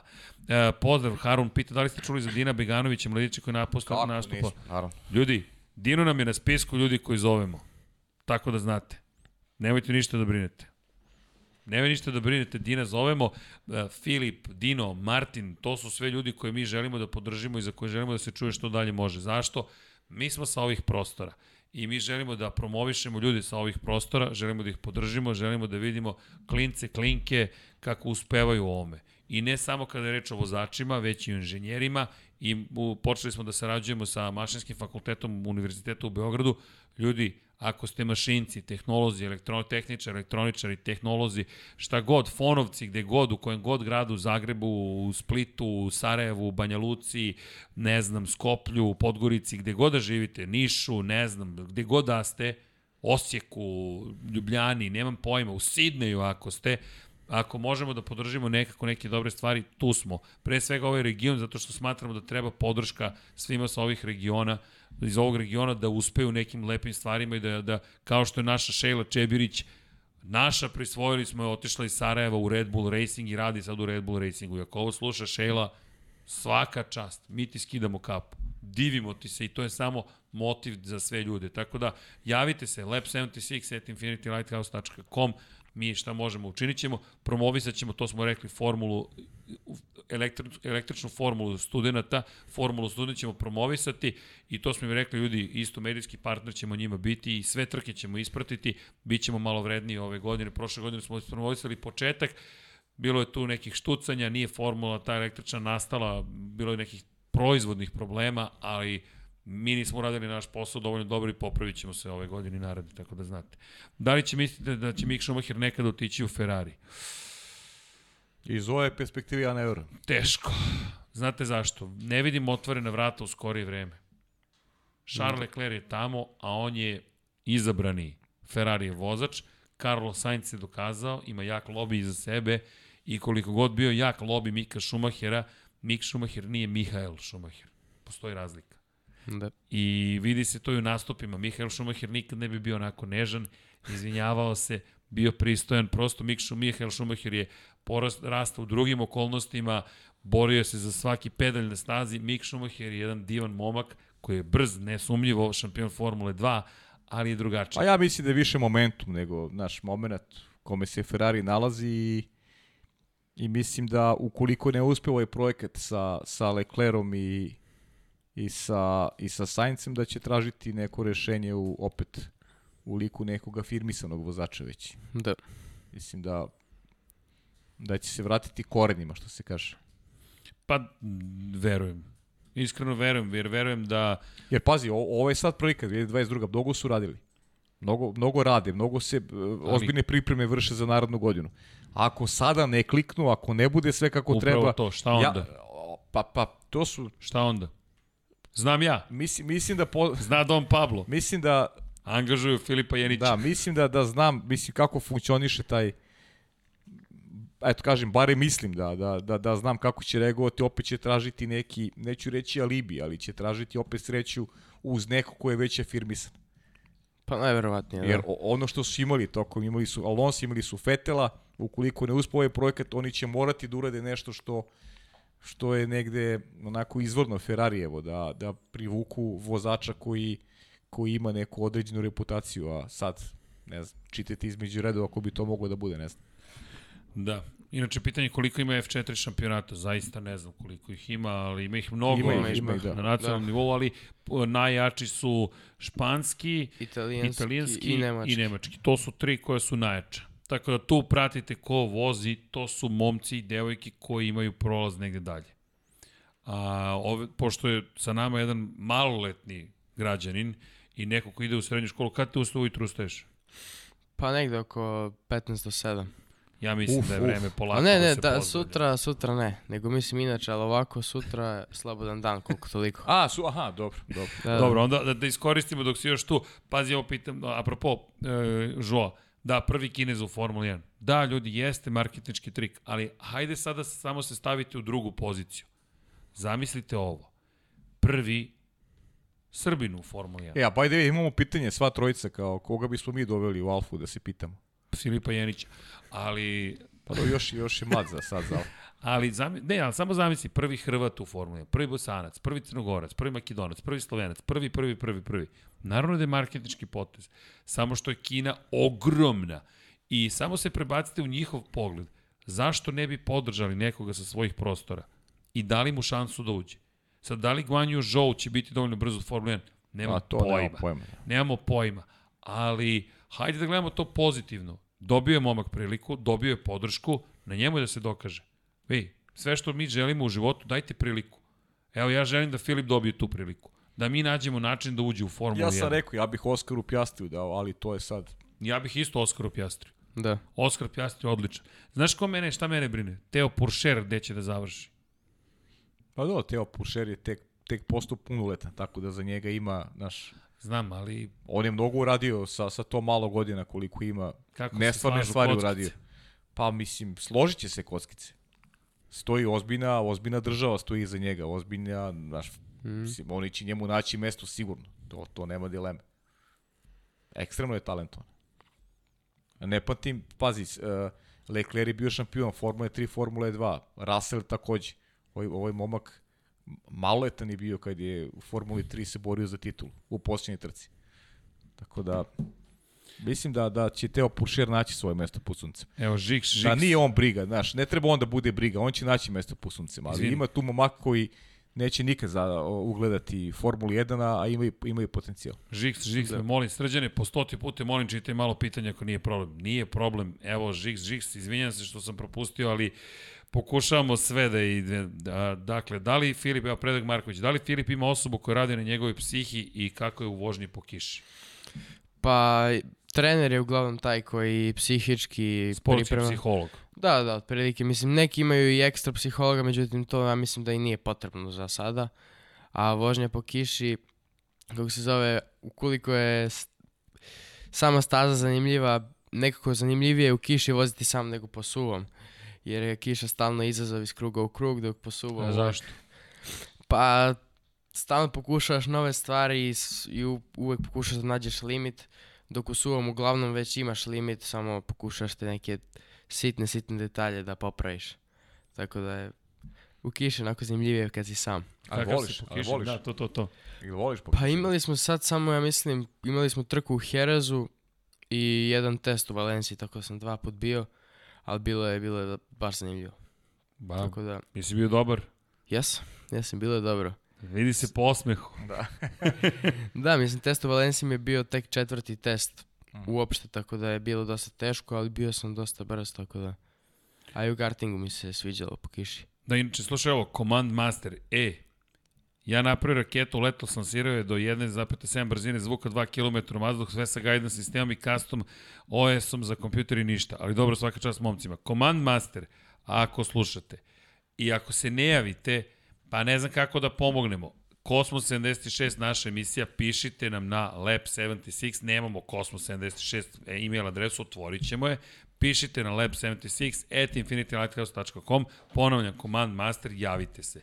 Meni je to zanimljivo, nama je to zanimljivo, gospodin Toškov, inače između ostalog ja planiramo put u Kazahstan, pa vi sad pitajte se gde, tako da znate, izvini, ali moram da iskoristim ovo. Inače, da li puštam bradu od kad je doktor otišao u penziju? Ne, nego od kada je nastao prvi, došao prvi novembar da bih mogao da glumim brkove za Movembar i večeras ću da se obrijem, da sutra imam brkove, da promovišemo Movembar. Puštanje brkova tokom meseca novembra o podizanju svesti o borbi protiv raka testisa. Za koga nabijaš u futbolu, izvini? Pita Ognjen. Mm, navio sam Dvojević. od uvek za Real, tako da sam ove godine, celu godinu bio u Madridu i uživao onako...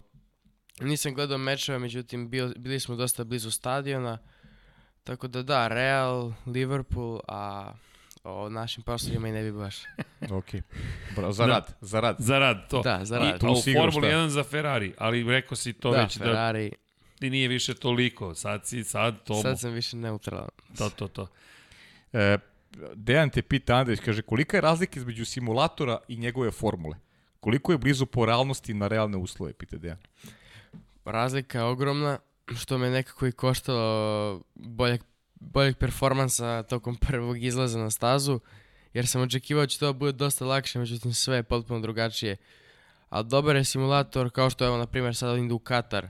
Čisto se oseti nekako, čisto neka referenca se stvori, bar da se zna, kud, čisto da se zna kuda se ide, tako da to je to otprilike. Ali nema neke sličnosti. Nažalost. Da, ili postoji neki poseban softver baš za Formulu 4? Mm, Pa da, jer mm, u šalju u Malagu nekom čoveku i on pravi staze i pravi softver za sve timove. Tako da Inače, ovo možete da saznate u specijalu Lab 76. Suzdržao sam se, ne To, kažem. to, to, to, to. Ali da. Inače, kada završe karijere, ko će imati najviše titula? Max, Leclerc ili Norris? Uf, Ko će imati najviše pa titula? ne, ja to, to ne bi se bavio time, to zavisi od tajminga, zavisi od Pa kako će, da Max ima kako će se šanse, profilisati Da. ekipe. Pa Zavisi mislim, realno ima, da, ali... Da, sledeće godine zavisi kako će timovi se snađu. Da, da, da li ste mislili da će imati neko više od Fetela posle oni, onih, onih epizoda u Red Bullu? Ne. Iskreno ne.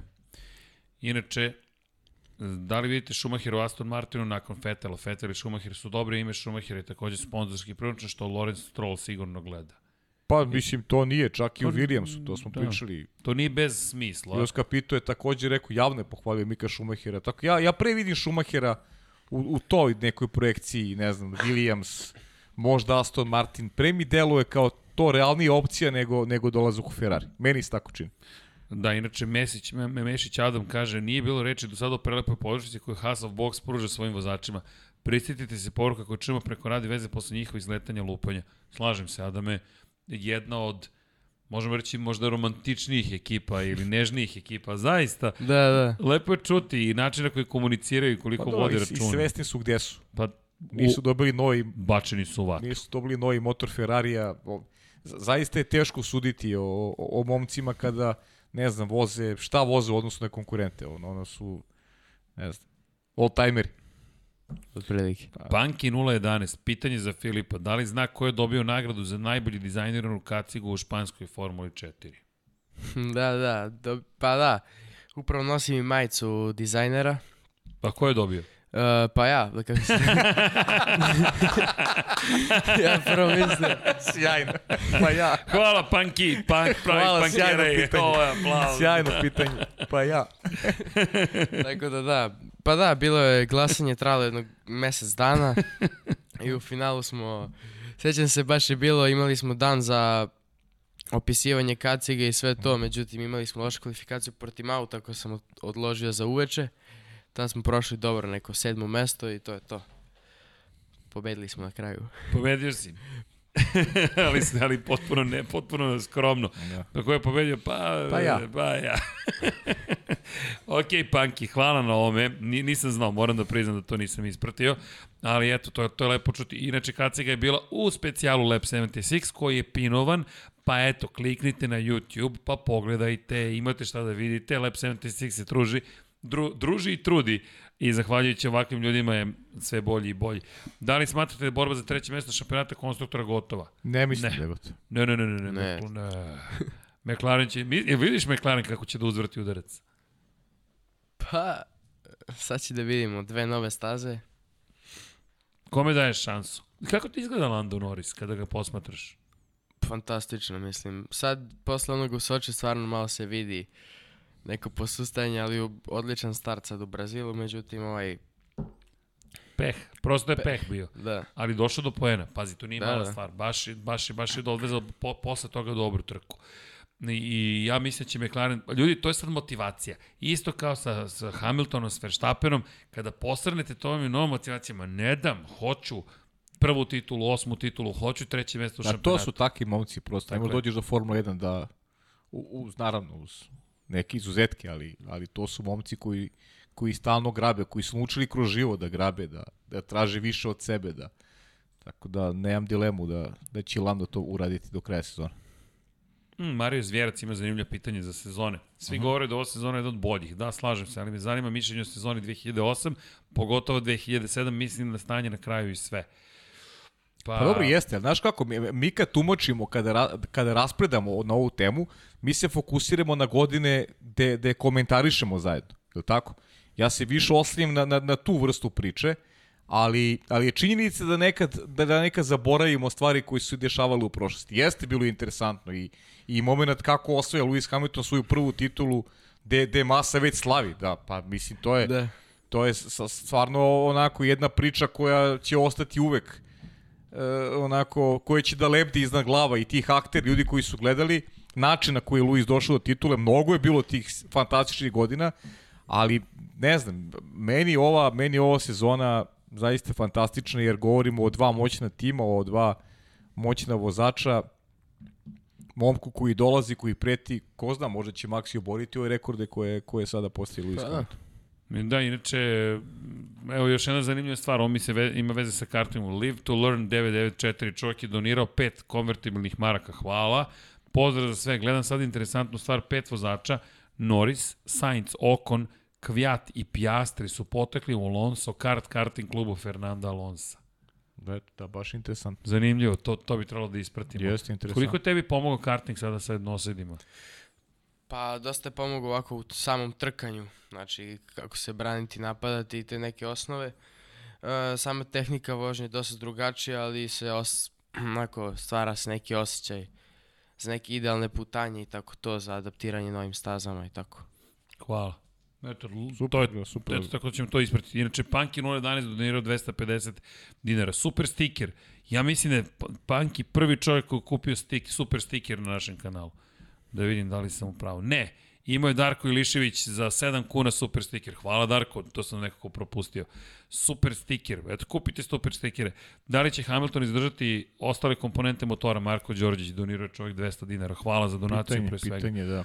Pa, da, to su sad te nepoznanice. Znate šta, to se krije, to se krije Ma da, to Vrlo samo, ozbiljno. to pitanje da li oni pogotovo u ovoj sezoni. To, to ljudi, to, toliko se sve krije da, da, da samo možemo da nagađamo, ali činjenica je da Mercedes deluje dosta ranjivo po tom pitanju. Jeste. Nikad nisu delovali tako ranije. Ne. I moj A, utisak je da je Mercedes ove godine primoran kvalitetom Red Bulla i Honda. Da bude ekstreman. Tako je. Pa, slažem se. Da od motora traži više nego Oni je jesu ekstremni zbog toga, pazi, nisu imali kud sad, ja pričamo o Brazilu, nisu imali kud. Oni su morali da budu ekstremni. Morali su da budu. U svakom pogledu da budu ekstremni. Ali na kraju se Re, Red. Bull to ne mora. Isplatilo se za ovu trku. Pa da. Dugoročno, mislim dugoročno. Jednomesečno, u stvari, pošto krajem decembra, sredinom decembra je kraj sezone. Vidjet ćemo još šta će biti u ovoj trci. Da li će biti posledica za račun ove, ovog fantastičnog izdanja? Možda, možda baš ima i glavobolje sada pred naredni vikend. Da, inače, Branislav Dević kaže čestitite rođendan Horneru. Evo, srećan rođendan Pa, Kristijanu Horneru. da. I kako komentarišete psovanje Toto Wolfa i radio? Pa, emocije. Čak ovog puta mi deluje iskrenije. Ja, ja, ja sam rekao, ja nemam nikakav problem sa, sa tim, zato što je to Da. sport, zato što su to emocije i u krajnjem slučaju to ne mora se pusti. Ne, ne moramo mi to da čujemo. Evo, ima Bane Bane jedno pitanje, ne znam da li možeš da odgovoriš. Da li ima šanse da potpišeš za Red Bullovu akademiju mladih vozača? Mislim da to Filip čak i da je potpisao, ne može da nam kaže. Da, da. Tako da, molim da sačekajte kraj godine, ali zapamtit ćemo pitanje. Nije bez rezona. Čuvaj ga za kraj godine. Čuvaj ga. Da, čuvam. Čuvaj. Šta mislite koliko Max može da ima titulu do njegove penzije? Burek pitao. Da li to Ivan Minić Burek ili je to neki drugi Burek? Može da ima, može da ima 10 titula do kraja godine. Da. Ali ne mora da ima ni jednu. Sirius One sport. pita mene, zašto mislite da će Max pobjediti iduću It's Hammer Time, Luis uzima championship? Baš zato što svaki put kada pomislimo da je gotovo i da je neko završio posao, onaj drugi se pojavi i kaže polako imam ja nešto da Pa kažem znam, na nije, ali temu. pazi, u ovoj situaciji kad bi Max pobedio sada, to bi bio gotovo završen posao. Luis je taj koji mora. Max još ne mora. Ali, ma ja mislim da će Max sada pobedi, onda Hamilton uzvrće udarac, pa ponovo uzvrće udarac i A, onda je to neće taj biti bit. dovoljno. Neće biti dovoljno, ali mislim, to, to mi je nekako Luis mora pobedi sve tri trke. D- Dime 023, pustite ga da od- odvoza novu stazu u Formuli 1. Nemojte, ljudi, Filipa smo dovoljno izmučili. Da, da, ne. Ne, te evo, mi, ćemo sledeće nedelje da nećete dobiti profesionalnog vozača, ali a, ostavit ćemo, evo, neku stazu ćemo da odvezemo kad sledeći put dođeš. Možeš, Filipe, a, ali onda ćemo se da organizujemo na vreme. Mi smo Ej. Filipa danas zvali. Deki mi je super inspirisan i hvala ti Deki puno, to jeste poenta za Filipa pitanja. Koja tri pravila bi vratio u Formulu 1 za tebe pitanje? Tri pravila. Mhm. A, pa vratio bi ovo za boks, kako se zove, što su sad ograničili za Za, za zamenu. dve sekunde. Da, da, da, da, moraš da imaš Da, da. 0,1 sekundu Mhm. od momenta kada se po, izvuku To- pištolje. To sigurno. Pa ne znam, nije se... Ne znam koja se pravila misle. Dolivanje goriva, Pa dobro, dolivanje goriva. Jeste to unosilo neku, neku tenziju dodatnu. Tako je Mas takođe izgubio trku u Singapuru. što dodatno boli. ostao je zaglavljen, da. Da, jeste. I Izgubio titulu tako. Pa da, Suštinski je titula tada izgubljena. i ne znam, možda da se vidi kako bi to sve bilo sa starim bodovnim sistemom. Ono, 10. A, 10, 6, 10, 8, 6, 4, 3, 2, 1. 4, 3, 2, 1, da. Ej, znaš šta si Filipe sad? Ja dao si mi ideju. Don Pablo, podsjetite me posle. Ideja, Filip, bodovi, molim vas. Znaću. Inače, El Loco Umbru donira čovjek 25 hrvatskih kuna. Hvala. Hvala, hvala. Kaže, dobar podcast, prelazite polako u mainstream. Pozdrav iz Hrvatske. Pozdrav to dobro i loše, po, ali pozdrav za mainstream i za Hrvatsku, tako da, pa čujte mainstream, tek ćemo da budemo mainstream, šta vam je? Šalim se, mi nemamo nikakvu težnju, mi se samo lepo zabavljamo. Pogotovo ne Paja i ja. Pa, to, Ali, do, ali hvala Vanja, vam, možda zaista Vanja. le, lepe reči, hvala. Inače, trenutno 50% ljudi smatra da će Max Verstappen pobediti, Hamilton 42%, Valtteri Bottas 3% i Sergio Perez 5%. Glasalo je 1037 ljudi. Lepo. Dobro. E, ne mogu da stignu da odgovorim na sva pitanja, tako da e, pokušat ću ko, Moarema, Erulaj, ko spored vama bio bolji u Ferrari, Luis ili Max? Kako? Ko bi... Ko bi bio bolji u Ferrari, Luis Pa ili Max? to je Podjednako teško bi bili pitanje. dobri. Da, mislim. to su dva sjajne Ja mislim da bi... Šta ti kažeš? Ne znam. Mm. Možda Luis, zato što je on... A, sorry, ne. Ne, ne, znam. Ne. Stvarno ne znam. Da. Svakako bi imali ogromnu ljubav. To od, od navijača širom sveta. Janko 01 ima zanimljivo pitanje za Filipa. Koliko dugo mogu da traju LeConte gume za karting? Nisam nikad u stvari ni vozio Le LeConte gume. Tako da vozio sam Bridgestone mojo, ali nisam nikad LeConte. Tako, tako da, stvarno ne znam. A i to zavisi, mislim od proizvođača, a, zavisi koja je, da li je mekana, tvrda. Jer ja sam vozio neke jako tvrde Bridgestone gume i to traje celu godinu. Međutim imaš one jako mekane koje traju možda dva, tri izlaza i to je već. Tako A šta bi ti dao kao savet Janku u ovom kontekstu? Ili imaš neku mogućnost da mu daš uopšte savet? Janko, dajte neko dodatno podpitanje u, pa da vidimo da li možemo da pomognemo nekako. Ali eto, za Lekont nema, Filip nema prosto direktno iskustvo. A tvoji konkurenti su koristili Lekont? Ne, ne, u sve šampionate koje sam ja vozio svi imamo iste gume. Ok. A LeConte se gume koriste, na primjer, za šaltače, a, koje ja nisam vozio, tako da, stvarno ne znam. A, Eto, ako ima neko dodatno pitanje što možemo da pomognemo, tu smo. Inače, bilo je jedno pitanje da li je radiokomunikacija o vrsti guma s Hamiltonom, da li je uticalo na Red Bull i raniju promenu Šta guma. da li? A, komunikacija o vrsti guma s Hamiltonom, Mercedesova, uh utičala na to da ranije Red Bull povuče Maxa kod drugi zamene i promenu, raniju promenu guma. Vanja, možemo baciti pogled na Pirelli, da, da bacimo pogled samo na to, to smo propustili da spomenemo, pošto je toliko bila brza trka zapravo, ali Mercedes je pokušao undercutom najpre, povukao je Hamiltona prvi Da. 26. To im nije pošlo za rukom, odbranio se Verstappen i zanimljivo, posle samo 13 krugova vožnje Verstappen prvi menja gume i onda tri, tri kruga kasnije Hamilton menja pneumatike. I tu je bila komunikacija između Mercedesa i Hamiltona, nisam siguran, ali... Ni ja nisam siguran. Da. Ali, ali mislim da ne bi, mada, ko zna ta tri kruga, moguće da je Mercedes tu dobio bitku. Mada i Hamilton bio nezadovoljan e, izborom guma. Pa, pa, pazi, to, je, to su bile vezane, ako si gledao, da. vezane su bile... Slušali rakši- smo te, Paju, na vezu. Botas je bio, Botas je bio nezadovoljan, tražio je jedno stajanje. E, da bi s jednim stajanjem imali podijum, dvostruki podijum. Hamilton takođe bio nezadovoljan. A, Mislim da bi, moje mišljenje da bi epilog bio isti. Da bi Hamilton ovu trku dobio. Da, ali, ali prosto bilo zanimljivo koliko, ali pazi, de, koji detalji odlučuju. Meni je bilo zanimljivo što je Hamilton, kako je Hamilton reagovao kada je shvatio da nije dobio ono što je tražio. Rekao, je, nije, to nije ono što sam hteo, ali rekao, ok, zaboravite. Zato mislim da je ovo jedan od njegovih najboljih trka, zato što se Ne, bavio jeste. samo stazom i rekao, ok, ajde se ne bavimo strategijom, idemo, idemo dalje. Ja mislim da, da, da bi u svakoj varijanti epilog bio isti. Meni tako trka izgledala. Da, inače, koliko vam je logičan potez Piastre kao test vozača Renaulta, Pivki 996? Pa mislim da nima izbora. Pa to je to. Bukvalno nema izbora. Bolje I, da bude test vozač Renaulta, da bude tu na oku, nego da... Ne, šta da radi? Ali- šta je sledeći korak? čujte, to je lutrija. Vi ne znate, šta je pitanje tajminga, to Pavle često napominje. Zašto? Pa u životu generalno, tajming je... Ako- A sveti se kako je Mihael Schumacher se pojavio u Formuli 1. Tajming.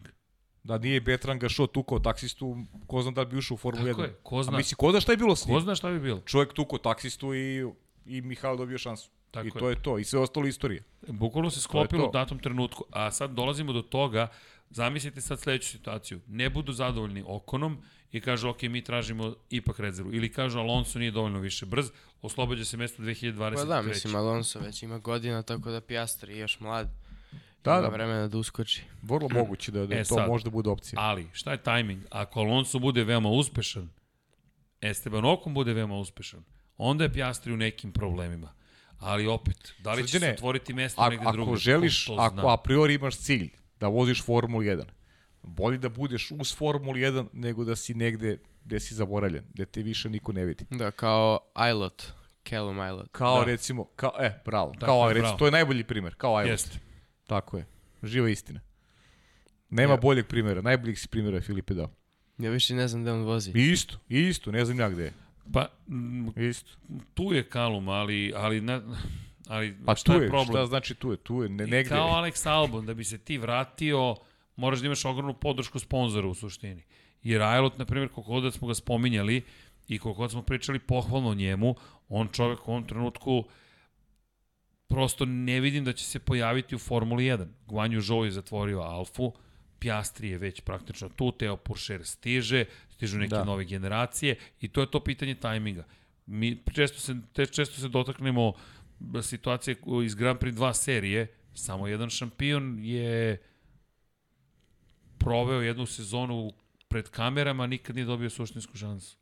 Da. Mi kad pogledaš ti, ti jednostavno imaš situaciju u kojoj svi su dobili šansu, samo jedan nije. Samo da je Volseki nije dobio šansu. Valseki nikad nije dobio šansu, a sad je prosto postao komentator, ajde Pa da da, kažem. recimo. Što koliko god da mi volimo, da sam trkač i da imam šansu da vozim Formulu 1, više bih volio da vozim Formulu 1 nego da budem komentator. Da. Darko Đorđević ima jednu observaciju, neću da čitam Darko celu, ali kaže, kaže misli da bi kacigu neku trebao da dobije, da osvoji neko konkretni navijač, na primjer kacigu Lewis Hamilton, je to onda pun pogodak, u suprotu ne bi bilo to, to po mom nekom mišljenju. Neću čitam sve, znaš kako ja Darko gledam to, ne bih se ni javio za kacigu, a da nisam navijač ili Valentina Rossi ili Luisa Hamiltona. Mislim da nema mi vrednost kaciga nekog za koga ne navijam. To je neko moje gledanje. Tako da verujem da se i ljudi koji se javljaju e, kako možeš da negde dešifruješ ko je navijač, a ko nije. Jer smatram da, se, da će se za takvu neku a, stvar javljati samo oni koji su pravi navijači. To je, to je moj pogled. Tako da ja bih se javio za Kacigu Artona Sene ne znam, uradio bih sve za tu kacigu, ali za ove druge ne bih hteo da uskratim nekome ko je navijač Luisa Hamiltona da da ne znam, ja se borim za tu kacigu. Mislim, Pa, pa, ne bih se e. ni borio za tu kacigu. Zašto? Kad nisam navijač. Pa da, ali Ja to Kaži, tako Filipe. gledam. Ne, samo se slažem potpuno s tim. Dakle, da nabavimo kacigu Filipe Amase. Da. Što se me tiče. A da. Pa da, i što se tiče samih kaciga, zašto i kviz, naša ideja? Zamislite sada nekoga ko ne voli Valentina Rosija, a mora da, da, da. nauči sve što je moguće o Valentinu Rosiju, Da bi dobio da bi kacigu. dobio kacigu, da bi je prodao. Dakle, taj trud da uloži, da bi uopšte došao do i pobedi, ja, neki je prodao. Evo mi Pa ćemo da, da, otkupimo. je. Evo mi ćemo na keca da je otkupimo. Svaka mu u čast ako će Evo na silu da nauči neka nam je proda nešto. nazad istog trenutka, ja ću prvi da, Da. kažem, nema problema koliko. I zadržat ćemo je u studiju na kraju univerzuma i onda ćemo da je prodamo u dobrotvorne svrhe. A pritom mnogo ima navijača Valentina Rossi i Luisa Hamiltona, siguran sam, koji, koji će se javiti i odmah da, da učestvuju da neće tu moći da prođe neko sa strane, po znacima Da, navoda. i Mario Zverac, znam da pitanje za Discord smara, ali me zanima, ima tko od vas da- Discord da mu iznesem ideju. Mario, nismo stigli do Discorda, ali sredit ćemo Discord, ali pišite na lep76 at infinitylighthouse.com.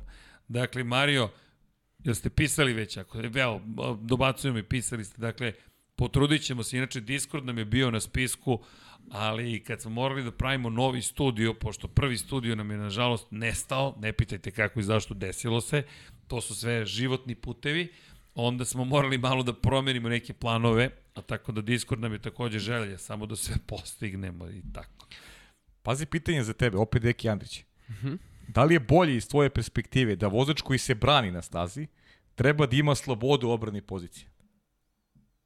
Kao, a, Kako, kako, kako? Da ima, vozač koji se brani da? Dobro, treba da ima slobodu u odbrani pozicije. šta Sloboda prepostavljam da znači da biraš putanju kojom ćeš tu poziciju da braniš. Pa, mislim, kao što je po pravilniku, ne znam kako njih, mislim, kod nas je isto tako da, a, po finom pravilniku, valjda da se promeni jednom putanja pri brajanju, mislim da je to sasvim dovoljno, jer već drugi pokret bi bio, mislim, malo suvišan. Zato što vozač koji napada, već čim se desi taj prvi pokret, već odluči gde će dalje. Tako da kada bi se povukao i drugi potez, bilo bi malo... Mhm, prvo. Da, da. Kao što, na primjer, ono Ma- Maxovo a, pomeranje, kako se zove, bilo poprilično diskutabilno. E da, šta je tvoje mišljenje? Pošto je dobio crno-belu zastavu upozorenje. Pa, On je, mislim... do, on je dobio crno bilo zastavu za ono vijuganje. Pa to, Da, da, da, za to to to. vijuganje i pričam, da, da, da. Pa, mislim, čudno mi je bilo to što je radio na tom pravcu, jer je dosta usko, a i logičnije mi je da je to možda radio pri većoj udaljenosti i na ovom glavnom pravcu, jer kao pokušava da a, suzbije vazduh. Međutim, Me, me, me, meni me, je to zaslužena kazna svakako. Mislim, trebalo, možda je moglo i više, ali bi bilo možda suvišno za šampionat. da, me, me, meni je to vijuganje spornije nego, nego ono u 48. krugu. Pa da, mislim, ono, Zaista. ono je bilo prosto, mora neko da se odbrani. Od onih silnih napada, tako da... Evo zanimljivo pitanje e, sa Patreonom. Nemanja Miloradović. Pozdrav ekipa, pozdrav za Filipa iz Švajcarske.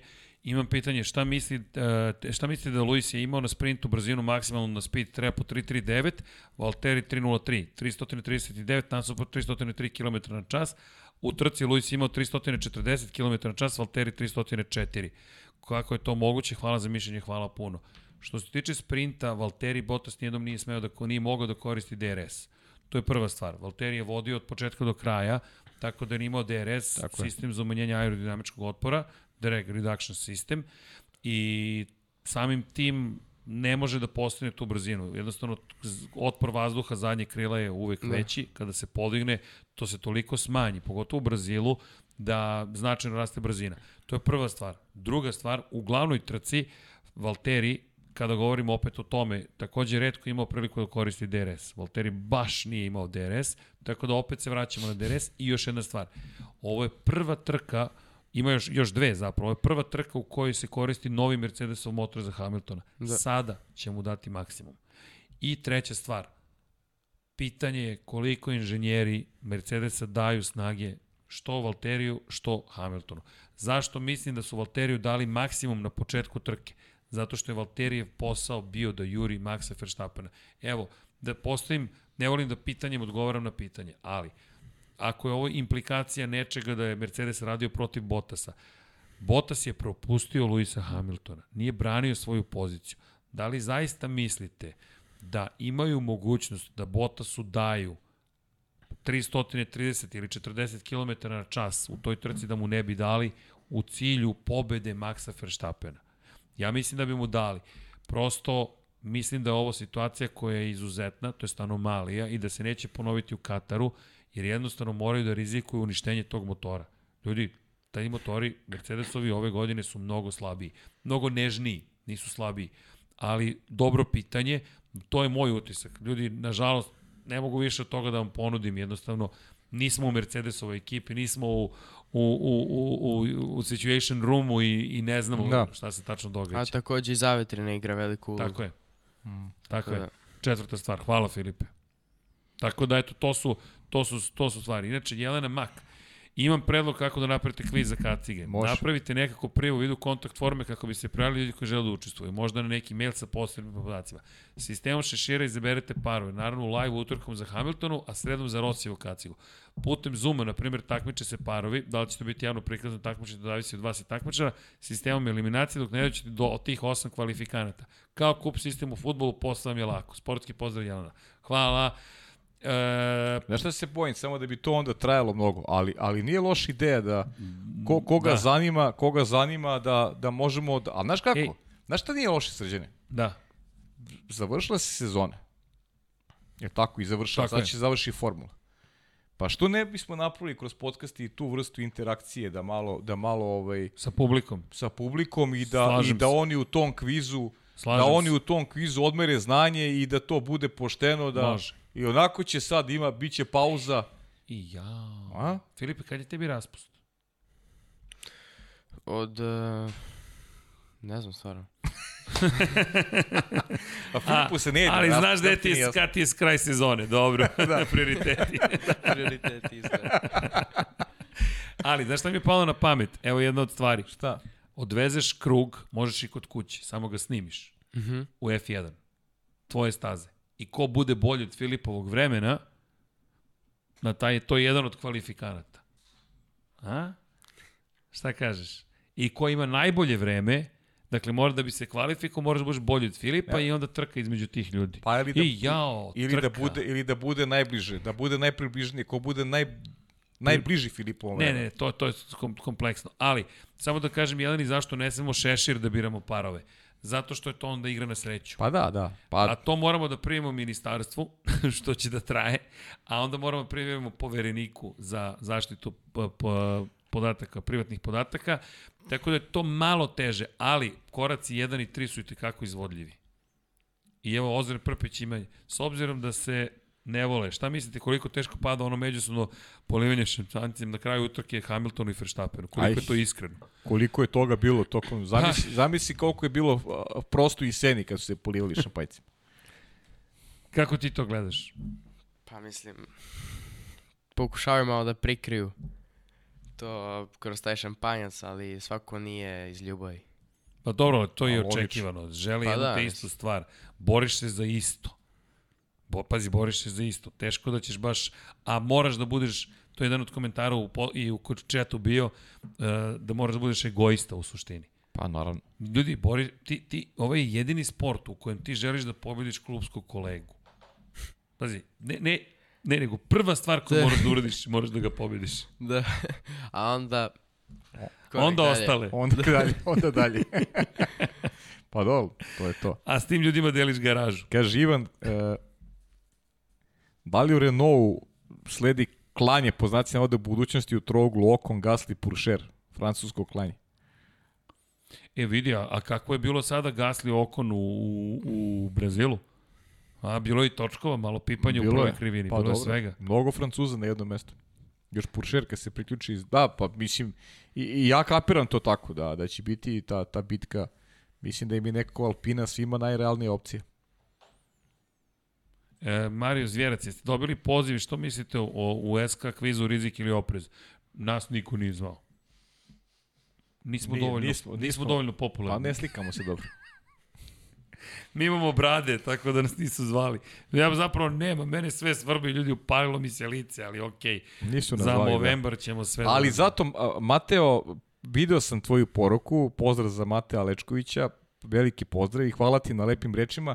Razumećeš, razumećeš me zbog čega neću naglas da pročitam ovu poruku. Ti ćeš me razumeti, ja ću sređeno pričam o tome, ali ne verujem da je to, da je to realno, ali hvala ti puno na, na lepim rečima i na, i ovaj, na, na lepim željama.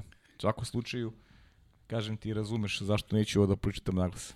Pajser Games mene pita, srđane, nemoj da gledaš rezultate trka, pitanje za tebe iz 96. Koji su rezultati u trci 195 kubika Valentina Rosija? Znam da je imao jednu pobedu i to je prva pobeda u karijeri, samo jedna, 1996. na velikoj nagradi Češke u Brnu. Trku pošto je Ivan Goji pobedio na velikoj nagradi Austrije. Jedna pobeda i debitovo je u Maleziji. Evo na ovako, na, na keca bez gledanja. 97. imao 11 pobjeda. Ajde ja vas da pitam bez gledanja. 99. koliko imao pobjeda kada je osvojio treću titulu. Inače, sve do devete titule uvek imao po dva rezultata u sezonama. Po broju pobjeda. Ha! 11 pobjeda i jedna brojka. Koja je druga brojka?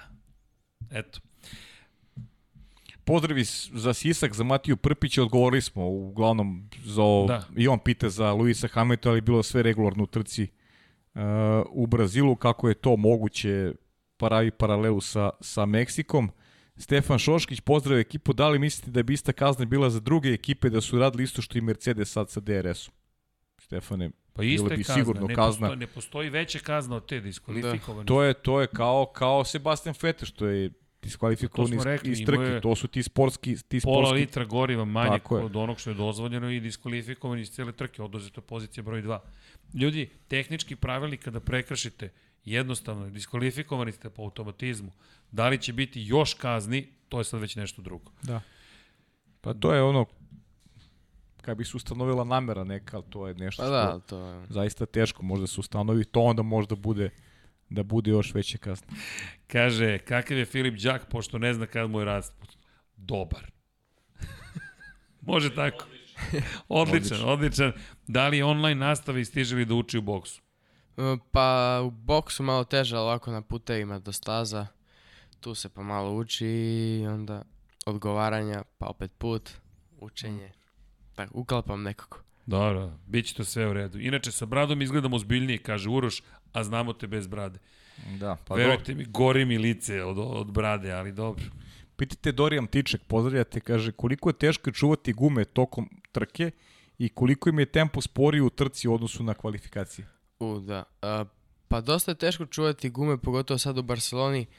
A, međutim, šteta što nisam imao ove a, onboardove sad da spremim za, za danas, pošto uz ove pao sam na početku trke, na primjer, sa a, sedmog mesta na 14. Tako da sam vidio jako je teško sad da ja moram da se borim sa jedan po jedan, nego ja sam napravio, na primjer, dva preticanja i onda sam rekao, dobro sad nema zašto ja sad ulazim u borbu, duga je trka.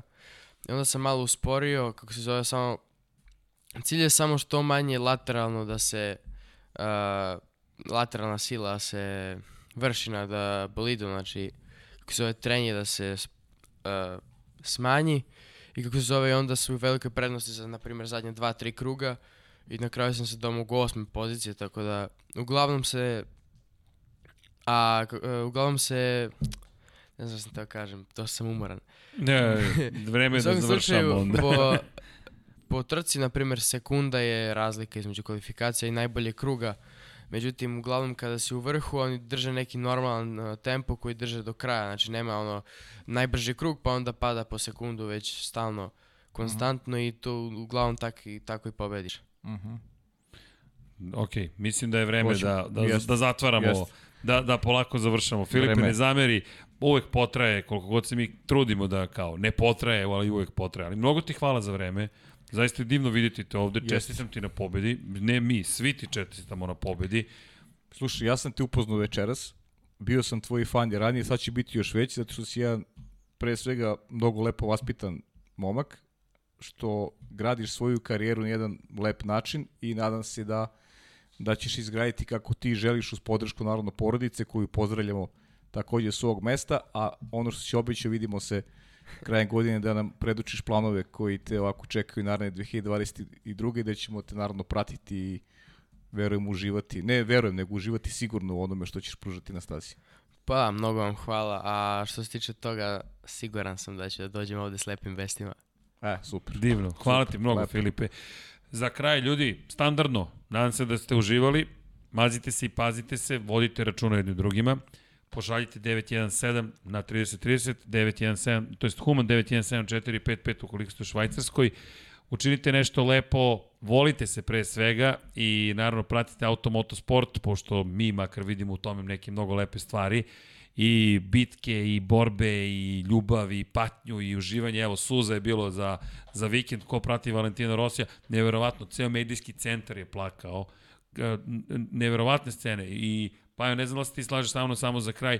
I moj utisak je bio da Ayrton Senna poživeo, da na taj način završi karijeru. Mislim da bi takav ispraćaj dobio. Koliko god da je velik bio Michael Schumacher i koliko god da je velik Lewis Hamilton, Ayrton Senna i Ro, Valentino Rossi imam osjećaj da su stvorili tu vrstu veze sa publikom, tu vrstu emotivnog povezanosti. Pa ja to potpuno, potpuno se slažem sa tobom i delim, delim to, to mišljenje, snaljute ovaj, navijači ovih eh, drugih vozača. Velikana. Ja, ja, ja tako, tako osjećam to i i ovaj i apsolutno se slažem sa onim. Ovo što je Rossi, mislim, Gledaš odrasle ljude kako plaču. pa da, Pred mislim, tobom to, tribine plaču, mediji, i to novinari poštovanje plaču, koje je dobio i od, i od kolega i od tih medijskih ličnosti koje, pa i sportista, vidio sam one poruke koje su, koje su slali sportisti širom sveta, mislim da to, da to nije po znacima navoda namešteno, nego da je to Vrlo iskreno. vrlo iskreno osjećaj vrhunskih sportista odaju počast nekome ko je, ko je pa on je zadužio sport, definitivno.